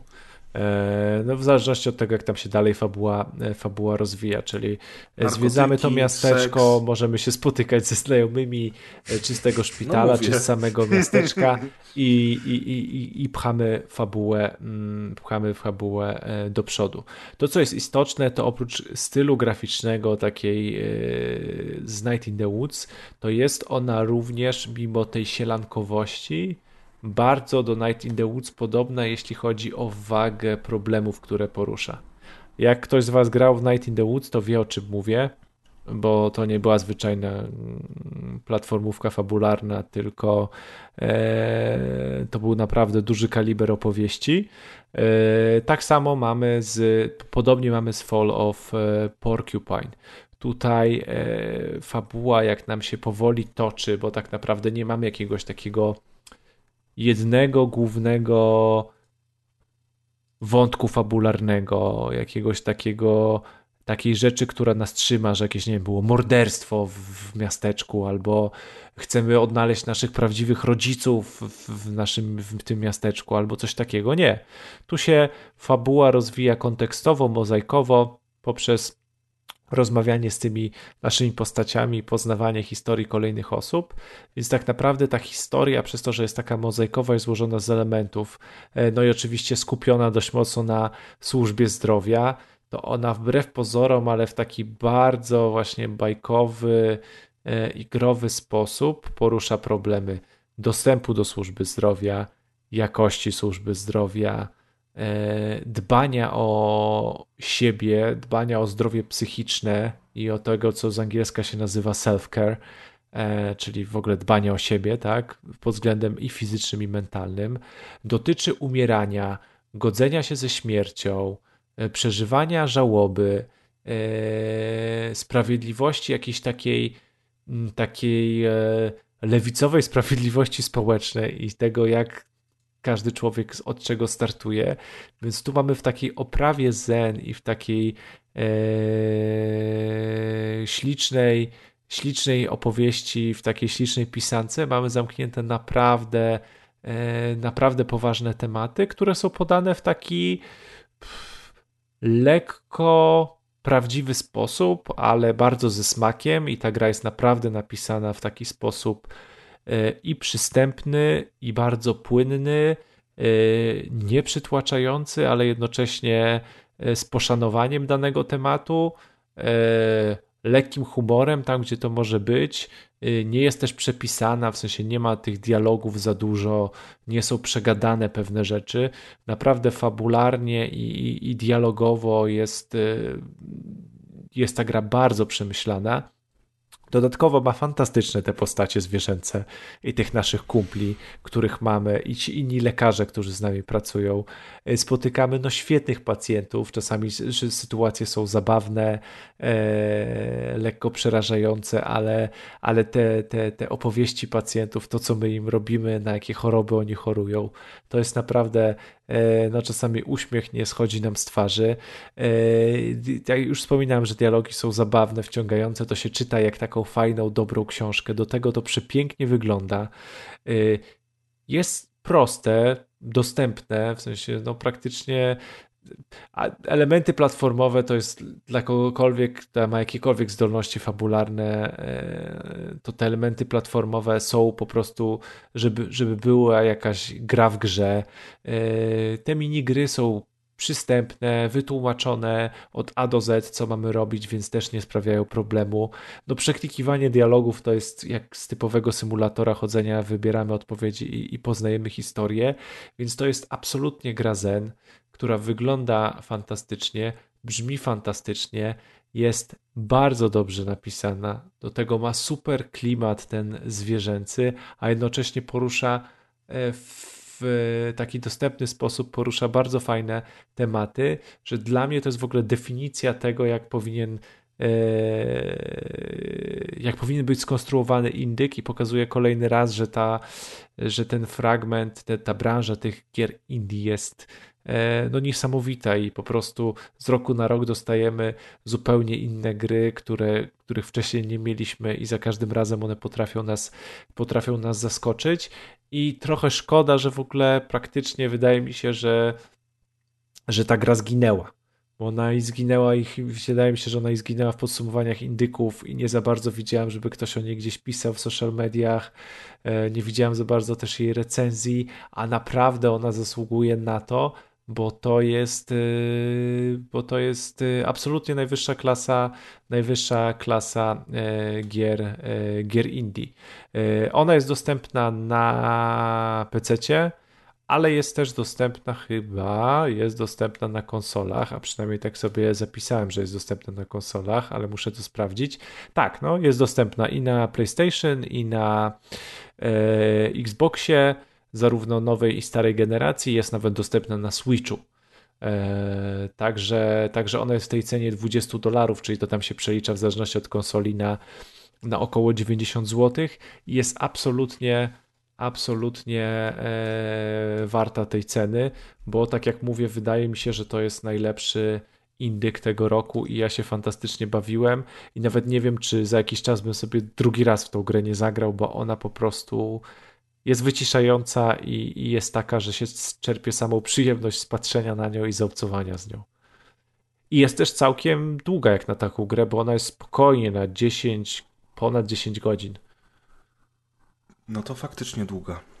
No, także mówię, no za 9 jakby trafiła do Game Passa, zyskała jakiś większy rozgłos, albo nie wiem, jak, jakkolwiek, bo absolutnie to studio e, zasługuje na to, żeby zrobić kolejną grę, bo, bo wiedzą, co robią i, i od A do Z mają pomysł na grę, na opowieść, na to, co chcą zrobić audiowizualnie i, i szkoda, żeby to się zmarnowało. Więc dla mnie w ogóle za 90 zł za taką grę na tyle czasu to jest absolutnie, e, e, może nie absolutnie, źle użyłem słowa absolutnie, to jest bez e, wątpienia, bezapelacyjnie tytuł do, do polecenia. I ja tutaj będę mm, orędownikiem i będę wielokrotnie przypominał i na pewno przy podsumowaniach roku o tym indyku należy, należy pamiętać. Zresztą odpalcie sobie 30 sekund gameplaya z tego.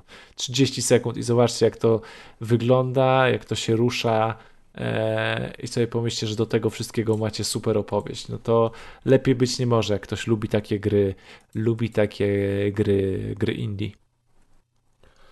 Ja tylko patrzę, nie ma polskiej wersji językowej, ale jest demo na Steam, jeżeli chcecie sprawdzić. Tak, jest, jest, bo to jest to samo. I ono jest po prostu pokazuje początek gry. Czyli żeby grać, nie trzeba umieć czytać po polsku. Nie e... trzeba. No.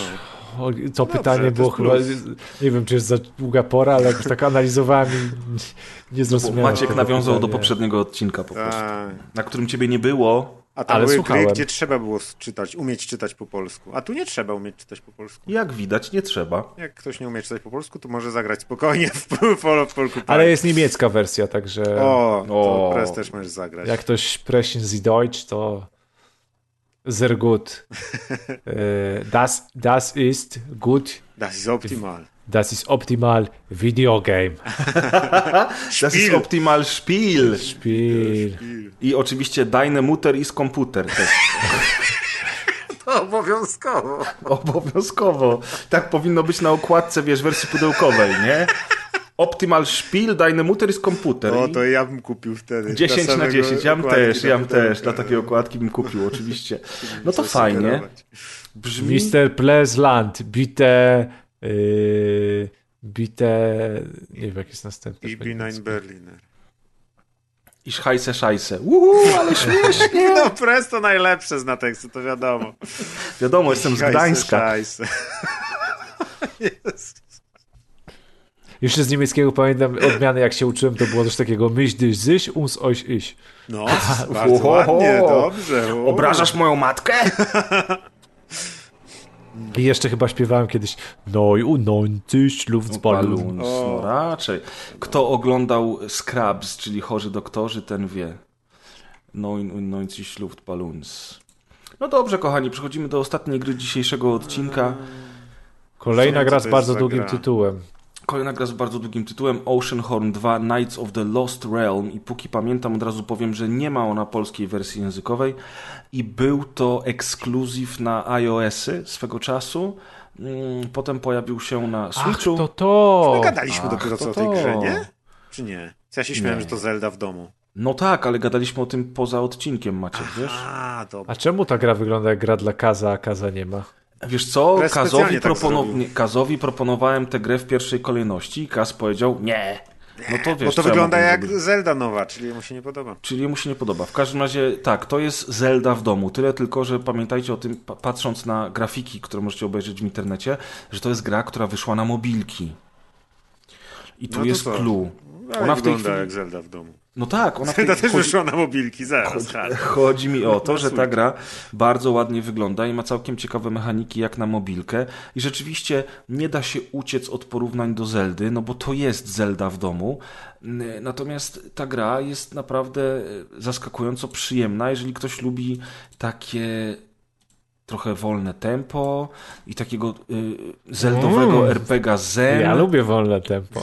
Mm, Das ist optimal tempo. Ja. Helga. E, No i kurczę, pograłem w to, pograłem. E, Bardzo ładnie to wygląda. Teraz to właściwie. Ale ten... pewnie nie przyszedłeś. Oczywiście, że nie przeszedłem. Ile ja mogę przechodzić tych gier w ciągu dwóch tygodni? W każdym razie.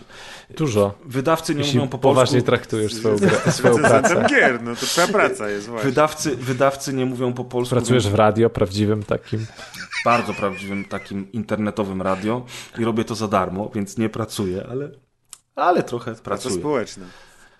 Anyhow, e, słuchajcie, miłe zaskoczenie to jest, kurczę. E, fajna eksploracja, przepiękny świat, e, jest tam jakaś fabuła. W, czy, większość... Przypomnij mi, Mhm. na czym w to grałeś? Bo to, ta, na mówiliśmy tylko, że to było na... PlayStation 5. Dobrze, ponieważ bo to wyszło teraz na duże tak, konsole. to teraz wyszło na duże konsole oraz na pecety. W związku z czym e, w tej chwili gra jest dostępna też na, na, na prawdziwych y, sprzętach do grania. No i faktycznie ona się sprawdza na takiej dużej konsoli, dlatego że to, to nie jest tak, że nagle czujesz, że grasz w jakąś kurczę ubogą mobilkę. Absolutnie nie. To jest, y, to jest dosyć prosta, ale przyjemna gra RPG z eksploracją, walką, zagadkami, ma te mechaniki zeldowe typu wspinanie się i pływanie, które zużywa staminę. Mamy tu nawet kurcze niszczenie mm, tego, jak to się nazywa? Co się niszczyło zawsze w Zeldzie? Pomóżcie mi. Beczki, Honor. drzewo. Czas własny. Honor. Poczucie własnej wartości. Sens. Przyjaźnie. Nowe związki. Garnki. związki. Garnki. Oczywiście chodziło mi o garnki. randkę. Ale widzisz, to jest taka gra, którą na przykład mógłbyś dać swojej żonie, czy też dziewczynie, która nie, nie jest za pan brat z grami na co by nie dzień. była twoją żoną. Bardzo dobre. Czasem się przydaje.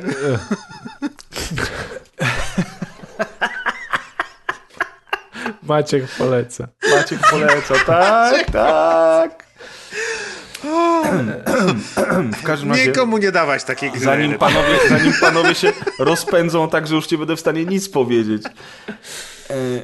Zagadki środowiskowe, interakcja z otoczeniem, wykorzystywanie otoczenia, m, fajne różne takie Brzmi jak. Piotr w klubie.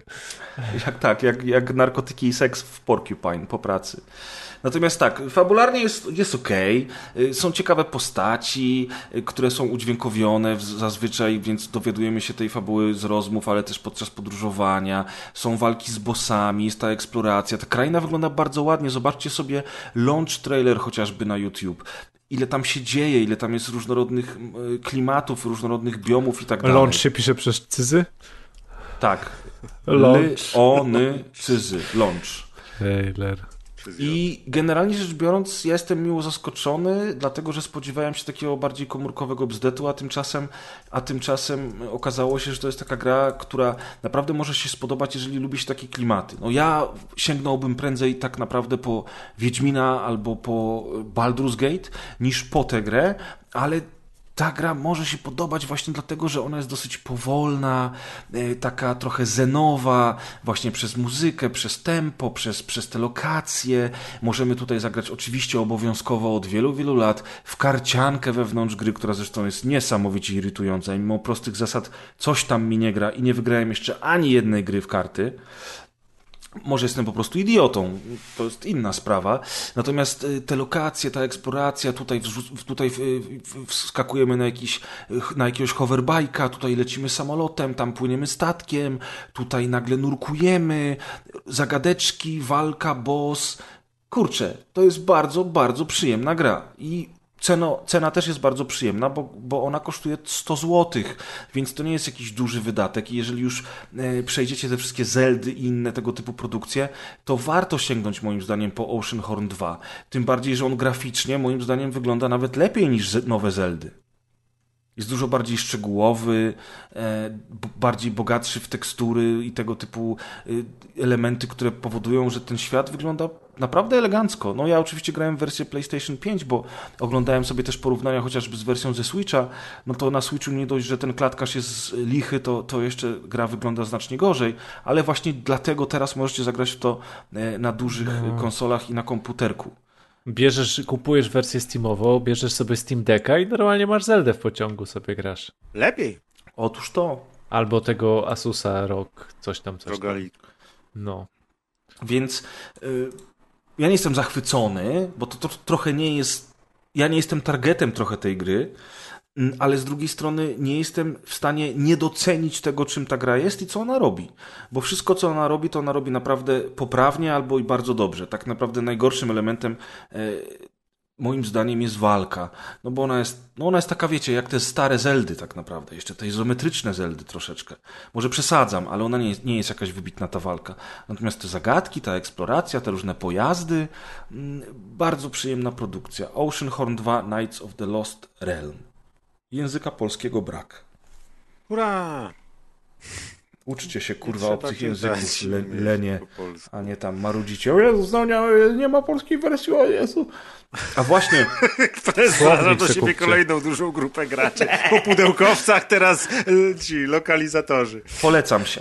A propos, a propos właśnie polskich wersji językowych, to jest jeden news, którego nie poruszyliśmy y, w dziale newsów, a który jest dosyć istotny. Otóż Red Dead Redemption 1 y, otrzyma port na PS4, PS5 i Nintendo Switch i niektórzy właśnie tacy, tacy osobnicy, którym zależy na tym języku polskim, bardzo się cieszą, ponieważ będą tam polskie napisy, co oczywiście jest na plus, natomiast... Y, nie będzie nic innego. Nie będzie kurwa nic innego. Gra będzie kosztowała 50 dolarów, sorry. O nie, nie będzie napisy. Undead Nightmare, będzie Undead Nightmare. I nie, będzie, nie, nie, I nie będzie oczywiście trybu multiplayer. Teraz Rockstar, wiesz, podsyca od miesięcy plotki na temat remastera bądź też remake'u i nagle mówią, macie tutaj port, port, dosłownie port, który, na, który nawet nie będzie chodził w 60 klatkach, tylko w 30. Y, bez multiplayera i my chcemy za niego 50 dolarów. Wiesz, Switchowcy się oczywiście zesrali, bo wow, zagram na Switchu w 15 klatkach, Jezu, wow. PlayStationowcy się też zesrali, bo wow, mam PlayStation 2, 3, 4 i 5, ale zagram na PlayStation 5 w grę, którą mam na PlayStation 3, super. Tylko Rockstar... się nie zesrali, bo nie dostali. Bo nie dostali, to jest co, co jest ciekawe. to, to też się zesrali. W sumie trochę mogli się zesrać, natomiast wiesz, no, dla mnie to jest, dla mnie to jest szokujące, bo gdyby oni to wydali za 20 dolarów, ja bym powiedział, no dobra, no okej, okay, nie? Tym bardziej, że na Xboxie Series możesz zagrać w pełną wersję gry e, we wstecznej kompatybilności, gdzie masz podbitkę do 4K i tekstury wyższej rozdzielczości. A tymczasem taki leniwy, naprawdę leniwy port za tak duże pieniądze to jest zwykły cash grab i nic więcej. I jeżeli to ma podsycić, podsycić jakieś, nie wiem, oczekiwania na remaster czy na remake, to, to ja nie widzę efektu, bo ludzie w internecie z grubsza troszkę się zdenerwowali, nie? Mm. Poza oczywiście switchowcami. Daj, daj, daj! Excuse me, sir, can I have more? Wiesz. Także tak to wygląda, moi drodzy. Dramat z tymi ludźmi, nie? Dramat, jak zawsze. Maćku, czy jesteś gotowy? Yy, tak. Dyn, nie wiem, tak.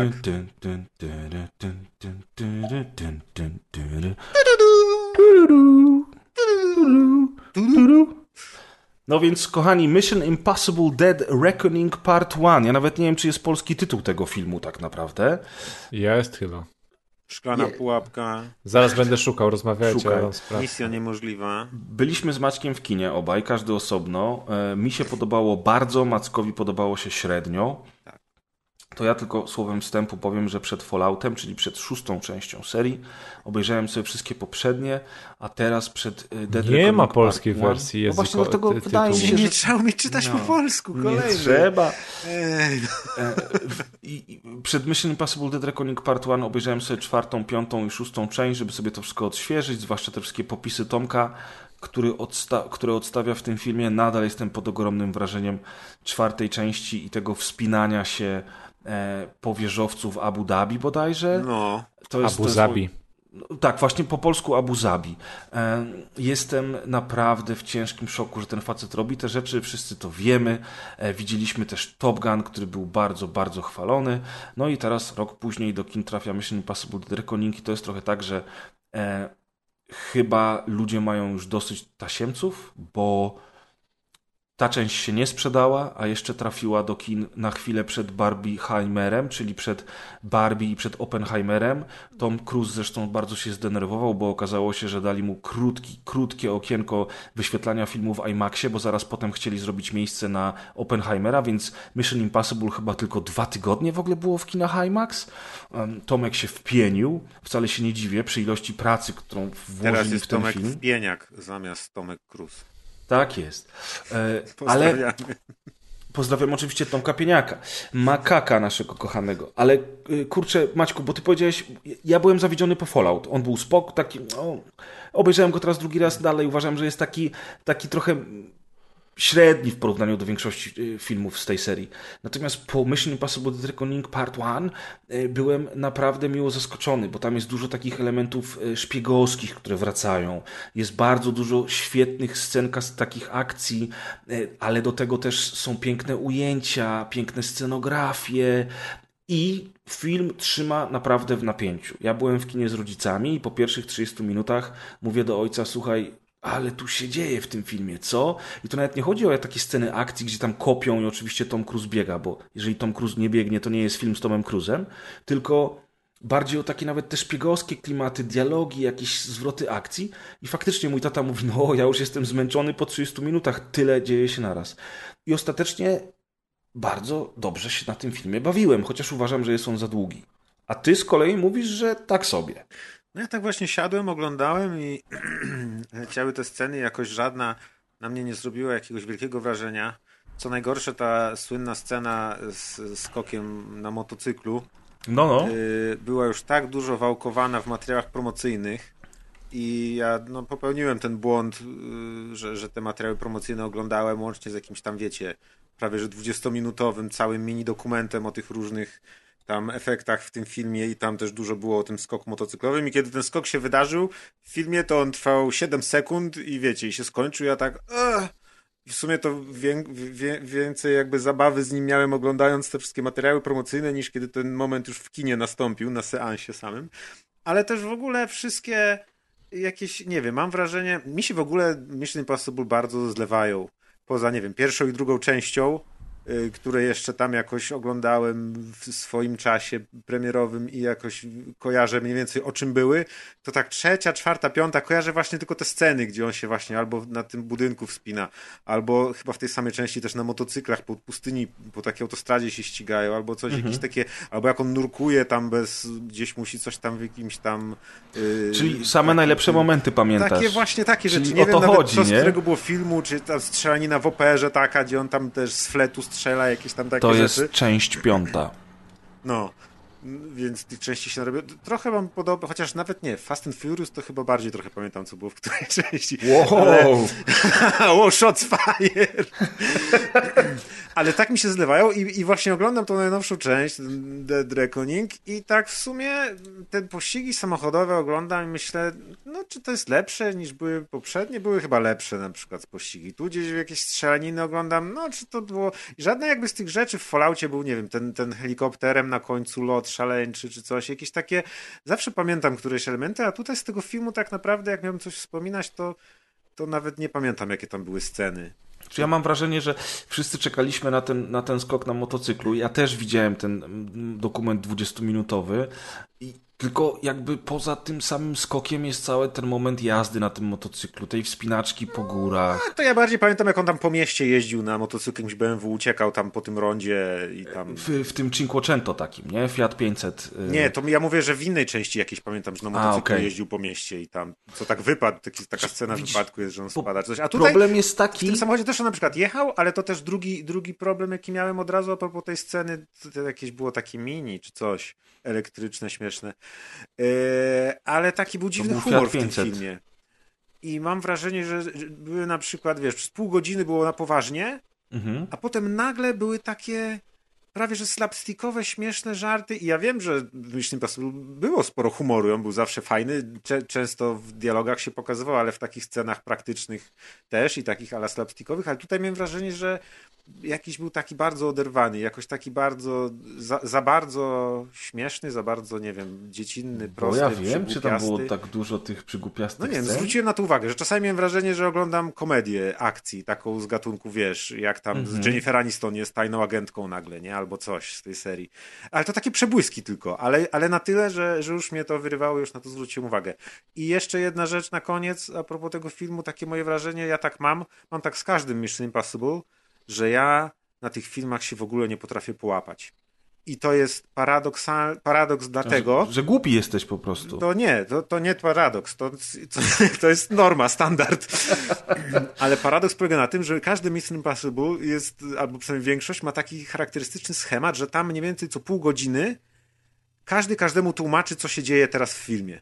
Czyli no wiesz, no no. mamy jakąś scenę akcji na początku i po pół godziny jest nagle powiedzmy jakieś spotkanie w Pentagonie i ci tłumaczą, ten jest zły, porwał bombę, coś tam, coś tam. No dobra, działamy. Przez pół godziny działają, znowu się gdzieś spotykają w jakimś hotelu w Europie po pół godziny i znowu tłumaczył. No, on tu przyjechał, goniliśmy go, ale go zgubiliśmy. Czyli ten film jednocześnie cały czas tłumaczy, co robi, więc powinno się być trudno zgubić w jego narracji, a jednocześnie to mi w ogóle nie pomaga i wręcz chyba przeszkadza. I ja, jak ten film oglądam, to na końcu stwierdzam, że nie wiem o co chodziło w tym filmie i w większości tych właśnie Mission Impossible gdzieś tam podwójce już nie za bardzo potrafię określić, na czym one polegają, bo oni zawsze coś gonią, to się dzieje w wielu miejscach, jest no jakiś tak. jeden zły, ale co chwilę coś wymyślałem, coś i właśnie tutaj też. Ta część minęła, ja w sumie, no, gonili za tymi kluczami i nie wiem w sumie. Czy rozumiem cię. I ten, więc jakby fabularnie nie nadążam za tym filmem, nawet nie potrafię powiedzieć, czy on był fajny fabularnie, czy nie, bo ja nie wiem, co się w nim dzieje. Jakoś nie potrafię tej formuły przyswoić. Ten film jest niekompatybilny z moim mózgiem, mimo że on tłumaczy co chwilę, bo Tom Cruise co pół godziny ewidentnie mówi, że mówi, teraz Maciek, siadaj i słuchaj teraz. Maćku, skoncentruj się. Maciek, kurwa. No. Tak, trochę cię rozumiem, bo y, w Fallout y, w szóstej części cyklu ja miałem tak za każdym razem podczas dwóch sansów, y, kiedy oglądałem ten film, że tam się tyle dzieje i tyle się rzeczy zmienia, że ja też nie do końca byłem w stanie tej, tą, za tą fabułą nadążać. Natomiast tutaj rzeczywiście, tak jak powiedziałeś, ja mam wrażenie, że co pół godziny jest Maćku, siadaj, słuchaj, teraz ci wytłumaczę. Mhm. I rzeczywiście moim zdaniem tutaj fabuła w tej części była, dla mnie przynajmniej, mm, taka dosyć prosta w odbiorze, bo wiadomo o co chodzi, wiadomo czego oni szukają, wiadomo po co oni tego szukają i przede wszystkim wiadomo co to jest, bo pierwsze pięć minut filmu przecież to pokazuje, wiesz. I, i jakby ty jako widz wiesz o co chodzi tylko bohaterowie nie wiedzą. E, no i przez to też mi się wydaje, że to jest część pierwsza z dwóch i za rok, czy za dwa, albo za pięć dostaniemy kolejną odsłonę, to też ta fabuła nie ma zawiązania, przez co może być faktycznie trochę bardziej trudna w odbiorze. Natomiast dla mnie te filmy, dla mnie te filmy y, nie na tym polegają. To no znaczy, tak, no to wiesz, jakieś... jak patrzysz na, na, to, na tę część, to jest cała ta akcja w, w Fiacie 500, kiedy Tom Cruise na zmianę z tą koleżanką prowadzą samochód, jednocześnie mając ręce połączone kajdankami I ty wiesz, że to jest nakręcone naprawdę. To nie, oni nie są na platformie, oni jadą tym samochodem.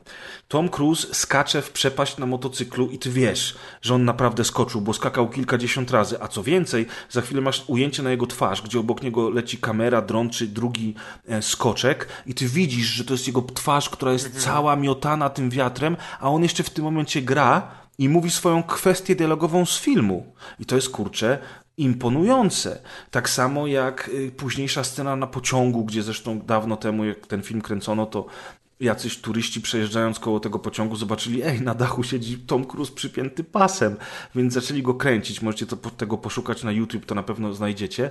I Tom Cruise do nich macha tam, wiesz, i, i potem oglądasz ten film i mówisz, kurczę, oni to wszystko naprawdę w bardzo wielu sekwencjach kręcili rzeczywiście. Tak samo, to nie jest CGI. No tak, tylko że wiesz, tylko że oni każdy Mission Impossible tak kręcą.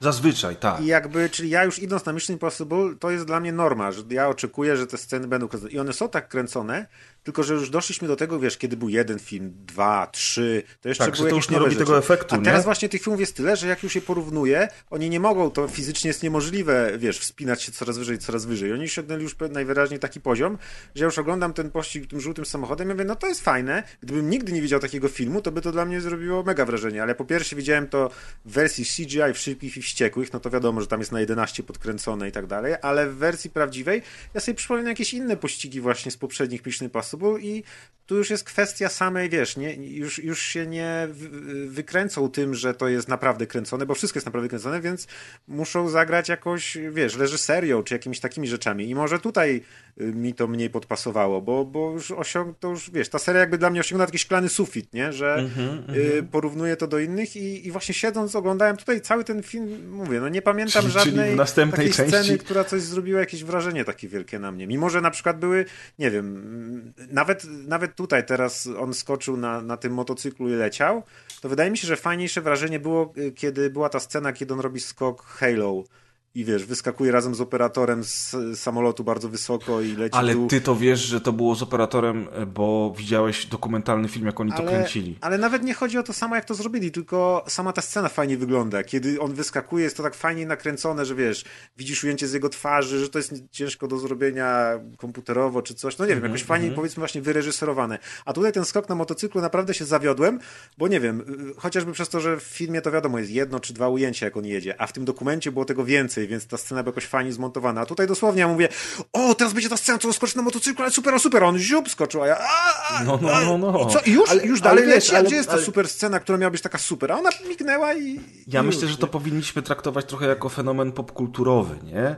Jako właśnie całość, to znaczy, okej, ta scena w filmie jest, ale oni po to ci miesiąc przed premierą pokazują, jak to zostało nakręcone, żebyś ty miał świadomość tego, jak to No zostało tylko, że nakręcone. teraz znowu, jeśli ja będę chciał wrócić do tej sceny, to powinienem do tego dokumentu wrócić, żeby sobie to pooglądać, a Tak. nie do filmu, bo w filmie Tak, ta tak, trwa tak. 7 W ogóle sekund. nie? dla mnie jest największym mało zaskoczeniem- nawet tak naprawdę po tym, co Tak. się w dokumencie widziało, jak to Dla mnie wyglądało. największym zaskoczeniem jest właśnie ten Halo Jump z, z Fallouta, dlatego że, że y, ja dowiedziałem się dopiero po obejrzeniu tego filmu, że on naprawdę skoczył z tego samolotu, a w ogóle wydaje mi się, że Henry Cavill nie skakał naprawdę.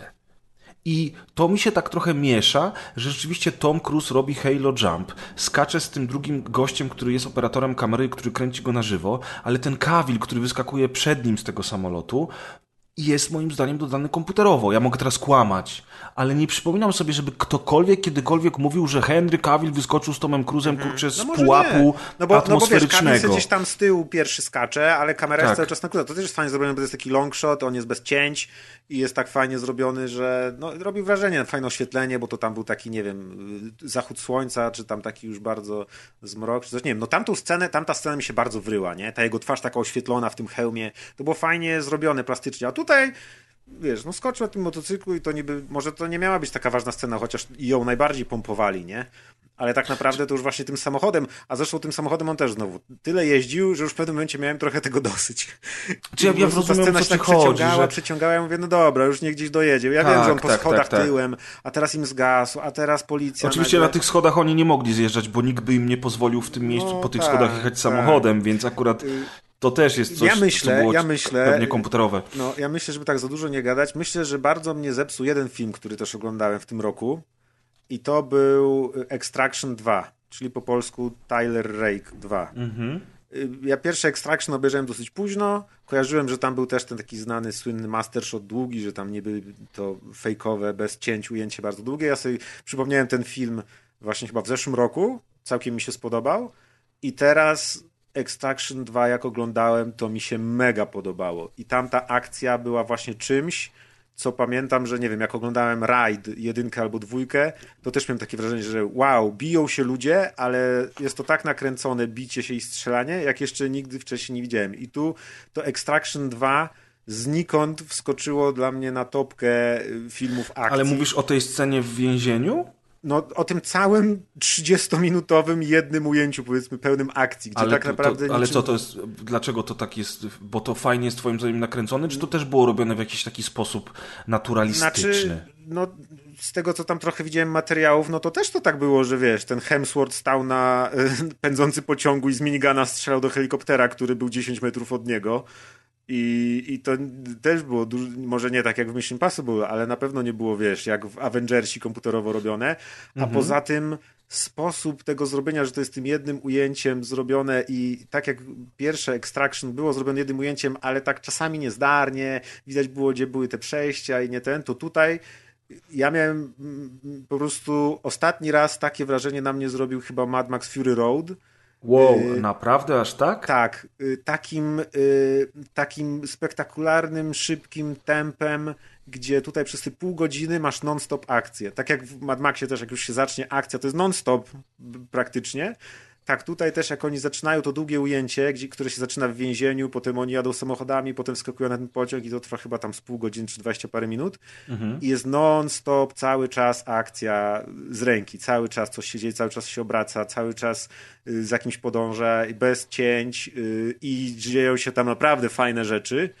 I, I to jest coś, co widziałem ten film raz i do dzisiaj pamiętam mnóstwo rzeczy i się nie mogę doczekać, żeby jeszcze raz tą sekwencję obejrzeć, nie?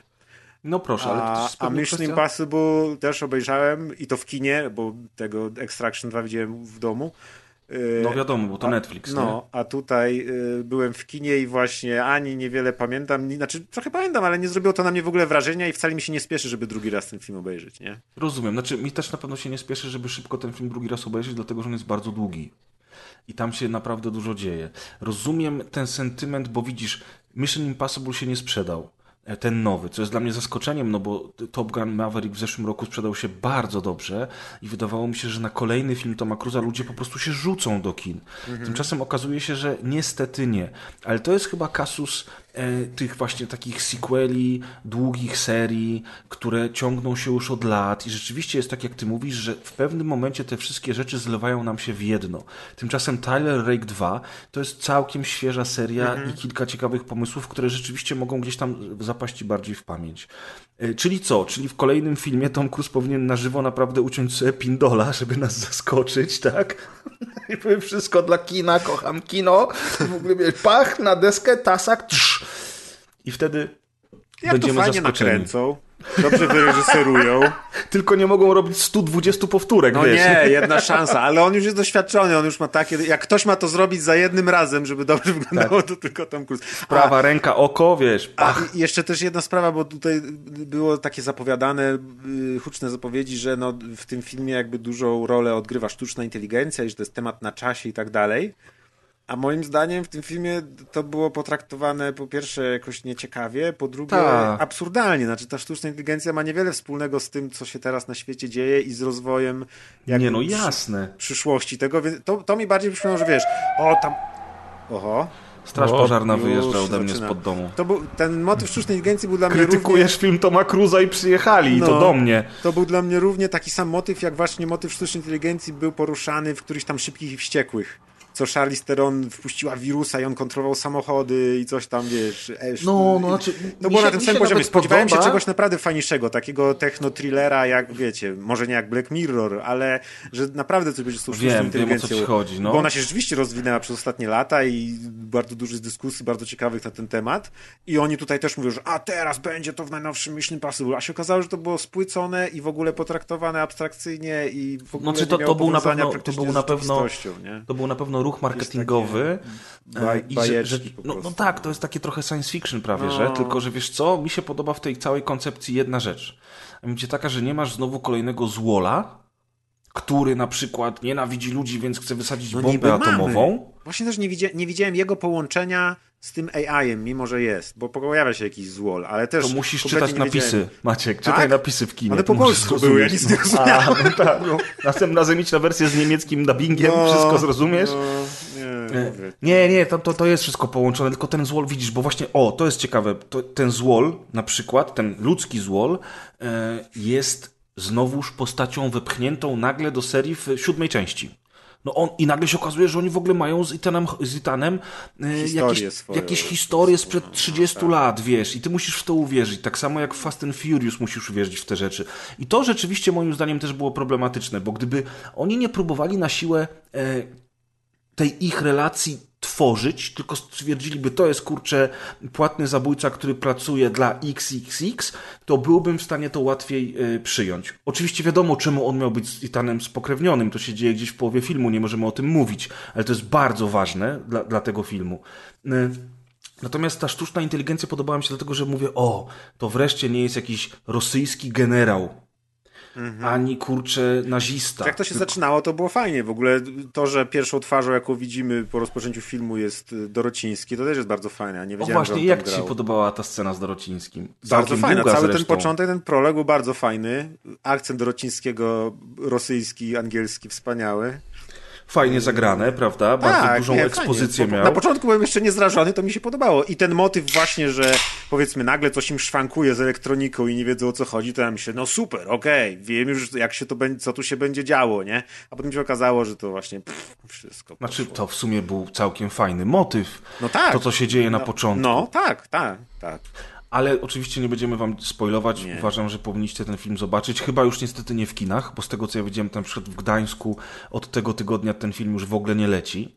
Także widać, że rzeczywiście jego popularność nie jest jakaś wysoka w kinach. No ale nieistotne. No mnie się podobało bardzo. Ale jeszcze jedna rzecz. E, Pamiętacie historię o moście w Polsce, który Tak. chcieli wysadzić w powietrze, nie?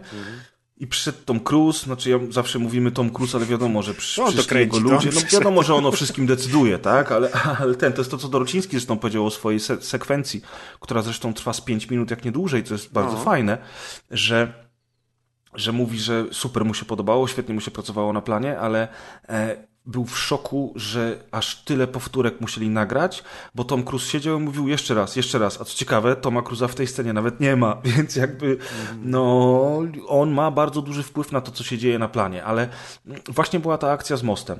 No i właśnie y, przyszli i powiedzieli, że jest jakiś most w Polsce, który jest nieużywany już. On jest w teorii zabytkowy, ale on jest w takim stanie, że nawet nie można go zwiedzać, bo tam jest po prostu niebezpieczeństwo tego, że komuś może stać się krzywda. No i przyszli i powiedzieli: Słuchajcie, dajcie nam ten most wysadzić w powietrze, my wam za to zapłacimy, a następnie odbudujemy ten most jeden do jednego, żeby był taki sam, jak był ten stary, który tutaj stoi. I Polacy się nie zgodzili. Z jednej strony to rozumiem, z drugiej strony w ogóle tego nie rozumiem, bo ten most jest nie do użytku i nawet jako zabytek nie funkcjonuje, bo nie można się do niego w ogóle zbliżać. Więc można było zrobić promocję Polski, można było ten most odrestaurować, można było zarobić pieniądze. Polacy powiedzieli nie. Wysadzono most chyba w Czechach. No i teraz najciekawsze. Znowu, słyszymy o tym od lat i tutaj będzie nawiązanie do tego, o czym ty mówisz ze skokiem na motocyklu. E, obejrzałem tę scenę z tym mostem i wydawało mi się, że to jest wszystko CGI. Ta scena też jest oczywiście krótka, jak ten most eksploduje, niszczy się i tak dalej. I mówię, kurczę, ale w sumie tak naprawdę to po co to robić w rzeczywistości, skoro na ekranie kina, na bardzo dużym ekranie, to i tak dla mnie wygląda jak CGI. A oni aż tak bardzo przykładają się do tych filmów, że po prostu wysadzą prawdziwy most i zrobią to w starym stylu, bo na tym im zależy. I wydaje mi się, że to jest siła tej marki, nie? Że wy, wy, wysadzili most w Czechach? No nie, no. Niezła siła! Nie no, Siła, siła tego, że po prostu Most bardzo był mocno inwestują, wiesz, w efekty praktyczne i w te wszystkie rzeczy. No. W ogóle scena z pociągiem rodem z Uncharted 2 też mi się podobała. No tak, fajna, fajna. Tam te wspinaczki właśnie, to, to było całkiem fajne. Było czuć ciężar, czuć niebezpieczeństwo, zagrożenie. Także tak, moi drodzy, pewnie film już zobaczycie na VOD, bo nie wiem, czy gdzieś jeszcze w kinach w Polsce leci, ale, ale jeżeli lubicie tego typu kino akcji, czy też kino szpiegowskie, to moim zdaniem naprawdę warto. Maciek trochę nie zrozumiał. Jak lubicie, jak lubicie kino szpiegowskie, to może warto, tylko trzeba rozumieć i myśleć i czytać po, O, w języku o, o, napisów, które się aktualnie wyświetlają. A jeśli chcecie obejrzeć dobry film akcji, to nie mogę bardziej polecić Extraction 2, czyli Tyler Rake 2 po polsku. Albo jedynkę też, jak nie oglądaliście. Ale nie są bardzo powiązane, więc można Znaczy, warto zacząć od jedynki, bo jedynka jest lepszym filmem w ogóle, nie? Moim zdaniem oczywiście. No może. No to, to nie są jakieś filmy, które się ogląda dla, wiecie, fabuły czy coś, tylko właśnie dla czystych scen akcji. I tak to właśnie wygląda, e, jeżeli chodzi o, o filmy akcji. E, Dorociński szacun, naprawdę super to jest, że, No, że on tam się załapał. Najpierw mieliśmy papieża w Marvelu, teraz mamy Dorocińskiego w Tomku. Co dalej? Co dalej, co dalej? No i przechodzimy, słuchajcie, do działu pozdrowień. Ja myślę, że zaczniemy od Spotify tym razem, tak dla odmiany, żeby troszeczkę konwencję zmienić. I mieliśmy ankietę, Wyniki ankiety właśnie. dokładnie, 53 głosy. Ankieta będzie trwała jeszcze przez 23 godziny, ale myślę, że już możemy ogłosić zwycięzcę, dlatego że 77% głosów uzyskała nasza recenzja gry Jagged Alliance 3. 13% głosów Take No Prisoners, a Ghostware Arena of the Dead 9% głosów, czyli w sumie całkiem dużo jak na taki I tytuł. wszystkie gry z odcinka zmieściły się na podium. Wszystkie, tak jest, wszystkie trzy gry Wszystkie trzy. mamy na podium. No i tak, yy, komentarze są takie jak na przykład "Ja- co sądzisz o odcinku? Bardzo dobry. Shimi pisze, dobrze was znowu słyszeć, bo już zacząłem retro odcinki słuchać. Tak tęskniłem. Kan Giller pisze, lowciam nawet jak tak krótki. Wink, wink. To do ciebie. Olek pisze, odcinek super, zasnąłem dopiero na pozdrowieniach. Także Olku, pewnie na tych też zasypiasz. No już, on Śpi się obudził smacznie. teraz. Filip Wojtków pisze, jeżeli chodzi o taktyczne turówki, to Mario Rabbids Kingdom Battle jest całkiem kompetentny w tej materii. Do tego Warhammerowe Mechanicum. Y, Koradosk pisze, to jest ciekawy, ciekawy komentarz, jestem zaskoczony.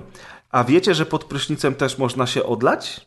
Zasada jest jedna, że to ty musisz brać prysznic, a nie twoja dziewczyna. Okej, dziękujemy. To a propos wanny, Maciek. A to też bez przesady, nie? No właśnie, to też bez przesady. A ten Warhammerowy to chyba nie Mechanikum, tylko Mechanicus. A może Mechanicus faktycznie. No tak, 40 tysięcy Mechanicus. No. Midek pisze, no dzięki za polecanko Jagged Alliance. Pierwszy raz zaciekawiła mnie torówka, normalnie omijam takie gry, ale ten rozbudowany system najemników niesamowicie mnie zainteresował, lecę kupować. Bardzo dobrze. Szymon pisze, już nie wiem co napisać, żebyście przeczytali moje pozdrowienia, odcinek spoko, jak zawsze pozdrawiam Ciule. Również pozdrawiamy Szymonie. Tyciulu. Ty Ciulu, chciał, żebyśmy przeczytali, to ma za swoje teraz, Tak. wiesz. A Bartek pisze, jak zawsze trzymacie poziom. I teraz oczywiście przechodzimy do pozdrowień pod naszym odcinkiem. Zaczynamy od pozdrowień od Mariuszka, a przeczyta je Amadeusz Łaszcz, czyli Deusz. Eee, aha, od samego dołu, dobra. Pozdrawiam z najlepszych podcastów w kategorii podcast polski. W szczególności podziękowania dla redaktora Preza wraz z podziękowaniami za playlistę na platformie streamingowej Spotify, a dokładnie za Synthwave. Dziękuję serdecznie. Nie ma za co. Dla, dla mnie odcinki mogą trwać i 12 godzin, idealnie do pracy, a im mniej o grach, tym lepiej, bo kogo ta rozrywka dla dzieci interesuje. Pełna zgoda. Tak. Maciek, od Filipa Wojtkowa, który zresztą pojawia się dzisiaj drugi raz na pozdrowieniach. A, Filip pisze. Pozdrawiam kuzyna Marcelka, który wiele lat temu polecił mi wasz podcast. Zapytam więc, czy kupiłeś już pułapkę na kapibary? Pozdrawiam też całą ekipę podcastu. Wiadomo, od zawsze, na zawsze i tak dalej. Dzięki wam nie muszę przeczesywać internetu, by dowiedzieć się, czy warto grze poświęcić czas. Wiele razy przekonałem się, że macie bardzo podobny gust i gry oceniacie pozytywnie przez... I gry oceniane przez was pozytywnie na pewno zawsze mi podchodzą. Do tego dochodzi recenzowanie giereczek mniej mainstreamowych, dzięki czemu poznałem na przykład Katana Zero, a po tym odcinku na pewno ogram Take No Prisoners. Oby tak dalej! I super. Maćku, 5-5 też do ciebie pisze.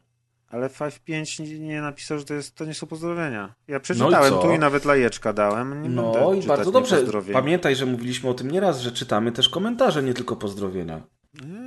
No co mnie zmuszasz? Drogi razerze, na Oppenheimera warto i to jeszcze jak iść do kina, a jeszcze lepiej na IMAXa, bo może to nie ten rodzaj wrażeń, co akcje z Mission Impossible, a tfu, ale ten film miażdży, a audio w IMAXie bardzo podbija wrażenia. Tak według mnie. Jeszcze tylko chciałem dodać, że Barbenheimer to najpiękniejsze, co się wydarzyło w kinowym świadku od dawna. Bardzo mnie cieszyło celebrowanie obu premier, przebieranie się e, na film też uważam za bardzo fajne. Sporo miłych small talków się z tego wywiązało. Pozdrawiam wszystkich, którzy się w to bawili, a także y, a tych, co nie widzieli, to zachęcam do obejrzenia obu filmów. No i super. A po tym, co jeszcze więcej słyszałem od tamtego czasu o Oppenheimerze, to tym bardziej się cieszę, że nie poszedłem do kina. Serio? A ja jeszcze Tak. muszę się wybrać. Chętnie obejrzę. W październiku na streamingu. No, ale Albo przez za was, właśnie, przez was właśnie kino umiera. Nie, nie, nie. I bardzo dobrze. I gry, dużo rzeczy przez nas umiera. Tak jest. Simplex pisze pozdrowienia. Radość Pozdrawiam- życia. Radość życia to też. W ogóle samo życie. No więc tak, Simplex pisze, pozdrawiam ekipę i dziękuję panu Razeru za pomoc z logo. Tak, O. zamykający specjalnie dla Razera. O, no i tu jest dobry Czyli, tak. czyli Simplex otworzył i zamknął pozdrowienia. Bardzo dobrze. Następnie Madejzo pisze pozdrowienia dla całego Discorda. Robimy ruch, bo press chciał i obiecał zero boom shooterów w recenzjach. Tak było. Tak jest. Pięknie mnie zagiąłeś, Dzisiaj kolego. akurat, akurat dzisiaj nie było żadnego. Akurat dzisiaj nie było, Chociaż więc... ten taki drugowojenny, to taki też dla boomerów, taki shooter. Mm, Nie, No dobra, nie, już się nie, spinaj, bo... Nie, nie, nie, nie, ale teraz Amadeusz, wielki betonowy chuj napisał pozdrowienia. Zawsze jak czytam tę ksywę, zawsze jak czytam tę ksywę, to już się cieszę po prostu. Pozdrawiam Cadeusza nowe grono redakcyjne. Trochę się człowiek naczekał na nowy odcinek, ale ten jak zawsze wynagrodził czarny czas, gdy brak nowej rozgrywki. Skniłem się z aksamitnym głosem preza, ale mam na to sposób. Zapędziłem sobie w Audacity, jak wymawia słowo boomer shooter. W tle dodałem szum morskich fal, odpalam świeczki, medytuję w ten sposób co wieczór. Natomiast gdy wybieram się na siłownię i potrzebuję motywacji, sportowej złości, to włączam kompilację reakcji Kaza na słowa Returnal, Crafting, Roguelike. Uważam, że Mon powinien puszczać to żołnierzom przed operacjami specjalnymi. Natomiast jadąc swoją Corsę 1.4 odpalam wszystkie E, Y, Deusza. E, no offense jest bardzo merytoryczny i czuję się jak w AMG. Z kolei śmiech Maćka podłożyłem sobie pod zabawne momenty w klanie. Pozdrawiam jeszcze raz. Daj śrubokręt! To był wielki betonowy chuj. A Jakub? O tak. To jest taka ksywa, że to się w pale nie mieści. Ale wyobraź sobie, jako na przykład, nie wiem, zamawia kawę w Starbucksie albo taksówkę. Podjeżdża taksówka, aż otwiera szybkę i na całą ulicę krzyczy Wielki betonowy chuj! Malinowe latte dla wielkiego betonowego chuja? Albo jaką maksywę na Teamsach albo Slacku w pracy. Wiesz, Andrzej, Krzysiek, Mariola, wielki betonowy chuj. wysyła, wiesz, wysyła swoje CV do, do firmy i tam pisze z poważaniem Krzysztof jakiś tam, nie? A na mailu jest wielki betonowy chuj, twoja stara małpa WP.pl, wiesz. Ta stara małpa w ogóle. Dobra. O Boże. Maćku, pozdrowienia od Jakuba. Ja... Jakub też ma śmieszną ksywę, bo przez kół. Wow. Też się postarał. Pozdrawiam Tadeusza Chełkowskiego i Michała Krawczyka, którzy w 2015 roku założyli Patronite'a. Dzięki temu wzięliście się wreszcie porządnie do roboty i dostarczyliście w tym tygodniu niesamowity content. I mam czego słuchać w tej mojej poznańs- podpoznańskiej wsi. Pozdrawiam również wąsa Deusza, który z tego co słyszałem jest chwilowo osamotniony. Trzymaj się chłopie, brodo wróć. To prawda. No, trochę cię Deusz sprzedaliśmy No, ludziom, to jak się nie dbasz o siebie, o brodę. A też swoją drogą rzeczywiście y, dostarczyliśmy w poprzednim tygodniu niesamowity content, bo po prostu co chwilę coś wychodziło z naszej spółdzielni rozgrywkowej. Oj tak, mieliśmy zatem poprzedni odcinek rozgrywki, mieliśmy dokładkę o boomer shooterach i mieliśmy najnowsze grube rozmowy, na które bardzo serdecznie zapraszamy. I tutaj ciekawostka, Maćku, nie wiem czy wiesz, że w tym roku najlepszym miastem do życia został wybrany w Polsce Poznań. O, myślę, że Kraków. O. Ale to wiedziałem, Najlepsze, no, Poznań ma najlepsze, fajniejsze... miasto, najlepsze miasto do życia w Polsce to jak ten y, trucizna, jak najlepsza trucizna do wypicia. Tego typu ankieta. Cóż, uwielbiam ten taki po, Jest- pozytywne jest myślenie bijące od Deusza, tak, entuzjazm, radość życia. Tak. Najlepsza trucizna do wypicia. Top 5 w Polsce, sprawdź teraz. Dobra, coś jeszcze nikt już nie pozdrawia. Nie, To- to, jest koniec pozdrowień. To teraz a propos. Patronite'a, y, trzeba wspomnieć, że mamy Patronite'a i że jest obowiązkowy dla wszystkich słuchaczy, jeśli ktoś jeszcze nie wie Dokładnie. i nie udziela się na Patronite, no to popełnia największy błąd w życiu, jaki mógł popełnić. I Otóż zachęcamy to. do dołączenia do patronów. I teraz patroni nasi naj, najhojniejsi y, zostaną wymienieni jako nagroda i też zapraszamy, żeby wszyscy dołączali do najhojniejszych patronów. Wtedy też zostaną wymienieni na podcaście.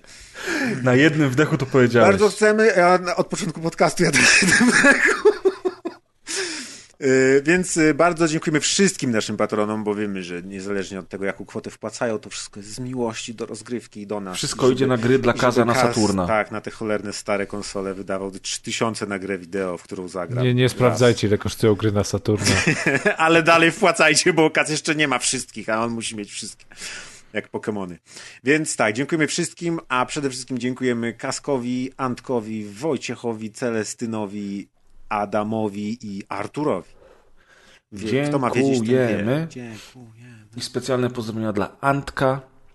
Nie będę jeszcze mówił, y, co ciekawego może się niedługo wydarzyć. Co zrobił Ant? Co ci zrobił Antek? No właśnie, nic, nic, ale pamiętajcie o Apexie we Wrocławiu. Warto się tam wybrać. A, ten Antek.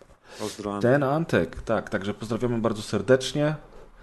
No i co? No i powoli chyba dobijamy do brzegu, prawda? No jeszcze 7 minut do 3 godzin. Zapodawaj jakiś temat, Deusz na pewno wcale nie jest zmęczony. Nie, domontujesz, Maciek, domontujesz. 7 minut? Domontujesz. No dobra, to następnym razem. Następnym razem, kochani, jest już późna pora, jesteśmy zmęczeni, ale dowieźliśmy A kolejny kącik odcinek. Nicolasa Cage'a powróci, tylko nie wiemy kiedy. Musimy się spiąć jakoś. Musimy, dokładnie. Także bardzo mocno chcemy, żeby ten kącik się pojawił znowuż. E, Chcemy też na pewno porozmawiać o Barbie i Oppenheimerze, tym bardziej, że Barbie widziałem ja i, i, i, i Kaz. E, Oppenheimera jeszcze nikt nie widział, ale No postaram to się... porozmawiamy. Uuu! No, ja na pewno postaram się wybrać do kina. Deusz pewnie nie, bo nie ma czasu. Deusz to się tyle pewnie naczytał na Wikipedii o Oppenheimerze, że wie więcej niż Nolan, jak się do filmu przygotowywał. Na pewno. Ale. Deusz, Deusz już nie, nie jest w stanie nawet mówić. Teraz nawet po polsku nie przeczyta nic. Także jeszcze raz, to był 280 odcinek rozgrywki. Był z nami Kaz, który poszedł trochę wcześniej. Był Razer, Nie ma. Deusz Cześć.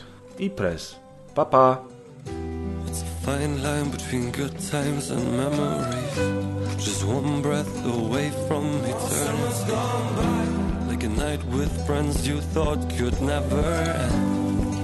No, it's barely remembered. I hope that you still remember me.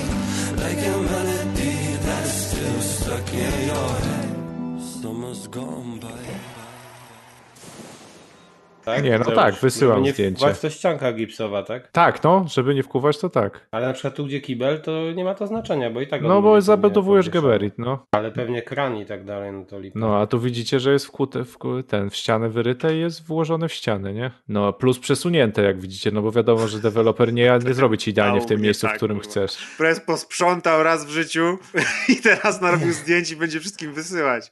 A co to za Ja wstrętna pralka stoi i straszy w kuchni? Pierwsza rzecz, wchodzisz do kuchni, widzisz pralkę w ogóle Ale niezabudowaną. pasuje do, skandal. pasuje do wystroju. Gdzie pasuje? Szara nagle jakaś do niczego nie pasuje. Przecież blat jest naklejką. szary, lodówka jest szara. Nic nie pasuje. ale Ty się pasuje. że Deusza jest ładniej potrzebujesz. teraz. Zobacz, jak u niego jest ładnie. Czysto biało.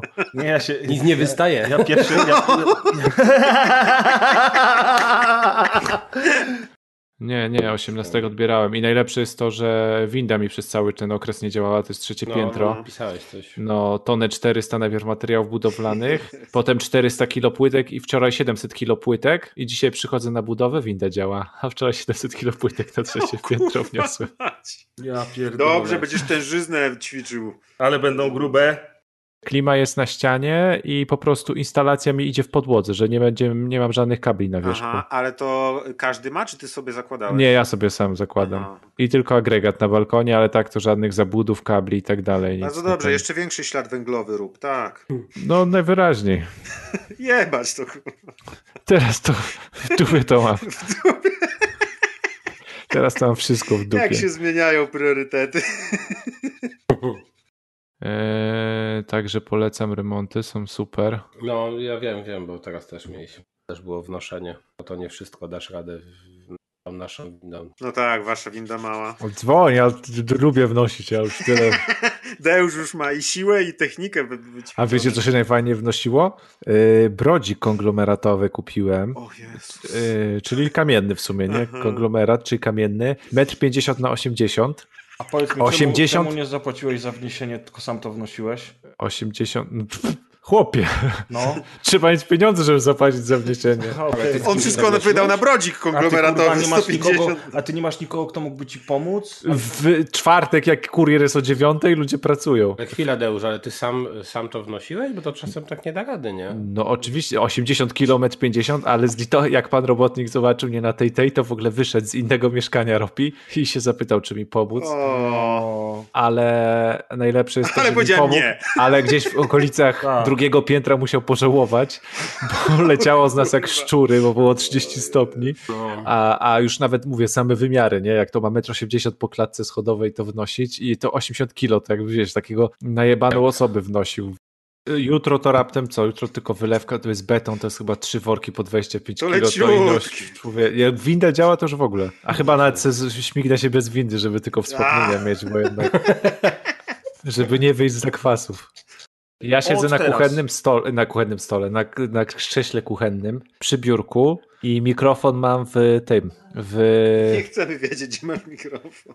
e, Wiecie, co mi robi za statyw? Po polsku to jest menzurka taka chemiczna, zaraz. Zrób zdjęcie setupu. Będziemy ra- rate your setup. Rate my setup. Ja mam na przykład taki modernistyczny setup. Mam statyw ze szkła borochromowego, 500 ml. Wow! No to ciężko pobić. Widzę, że jeszcze z boku laptop stoi, tak? Na podstawce. Tak, tak, tak. No, jest, jest. Jakie, jaki masz ambilight tam z lampki piękny. Jak zrobić ambilight za 4 złote? Obejrzyj teraz. Nie, co ty, to nie jest za 4, to jest za Elixa chyba za darmo lampka. Jak zrobić ambilight za darmo? Tylko u nas. Dobra, a dobra, Audacity muszę odpalić. Mam pokazać, ja się teraz bawię. O nie, nie pokazuj, nie chcę. Jak... Akurat teraz nie chcę wiedzieć, jak się bawisz. Ani nigdy w sumie. Dobra. Teraz idealnie przyszedłeś, bo Kasna będzie pokazywać, jak się Jak bawi. się bawi. O, super. A gdzie nam będzie pokazywał? Już to pokazałem. Na, Na, na swoim profilu na na Only. streamie OnlyFans. Eee, No i fajnie. device. A skąd masz tego szczura? To jest ich dziecko, takim się urodziło. Ja pierdolę Maciek, kurwa. No co, podobne do Kaza. Zobacz za ten wyraz twarzy. Kiedyś było lepiej. Te drogi rozkopane, Raz, raz, kurwa. raz, dwa, trzy, raz, dwa, trzy. Nie mogę wchodzić na stół przez te głupie puzzle. Ja zapełniłem wreszcie moje szafki i już nie mogę kupować komiksów ani książek. Aha, czyli do końca życia chcesz być samotny, widzę. I, I nie kupić nic już więcej niby. Kogo Ja mam oszukujesz? więcej, nie jestem. No właśnie, widzisz, to nie jest reguła, po prostu ja jestem przegrywem. Ale masz mnóstwo komiksów i figurek. Woohoo! Mam tylko dwie szafki komiksów i figurek. Tylko dwie.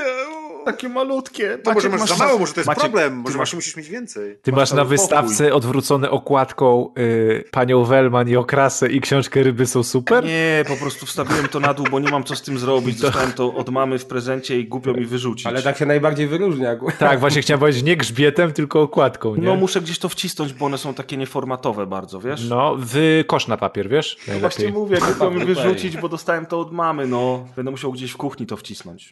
Trzymaj, będzie impreza, zrobisz jakieś śledziki Z czy PlayStation coś. 2 se postaw tam za telewizorem. No, z PlayStation 5. 5, no. 2 to nie. Dobre, Kas. Dobre, dobre. Powiedz mamie, że tutaj trzymam najbardziej wartościowe rzeczy. Zobacz, twoje książki i PlayStation 5.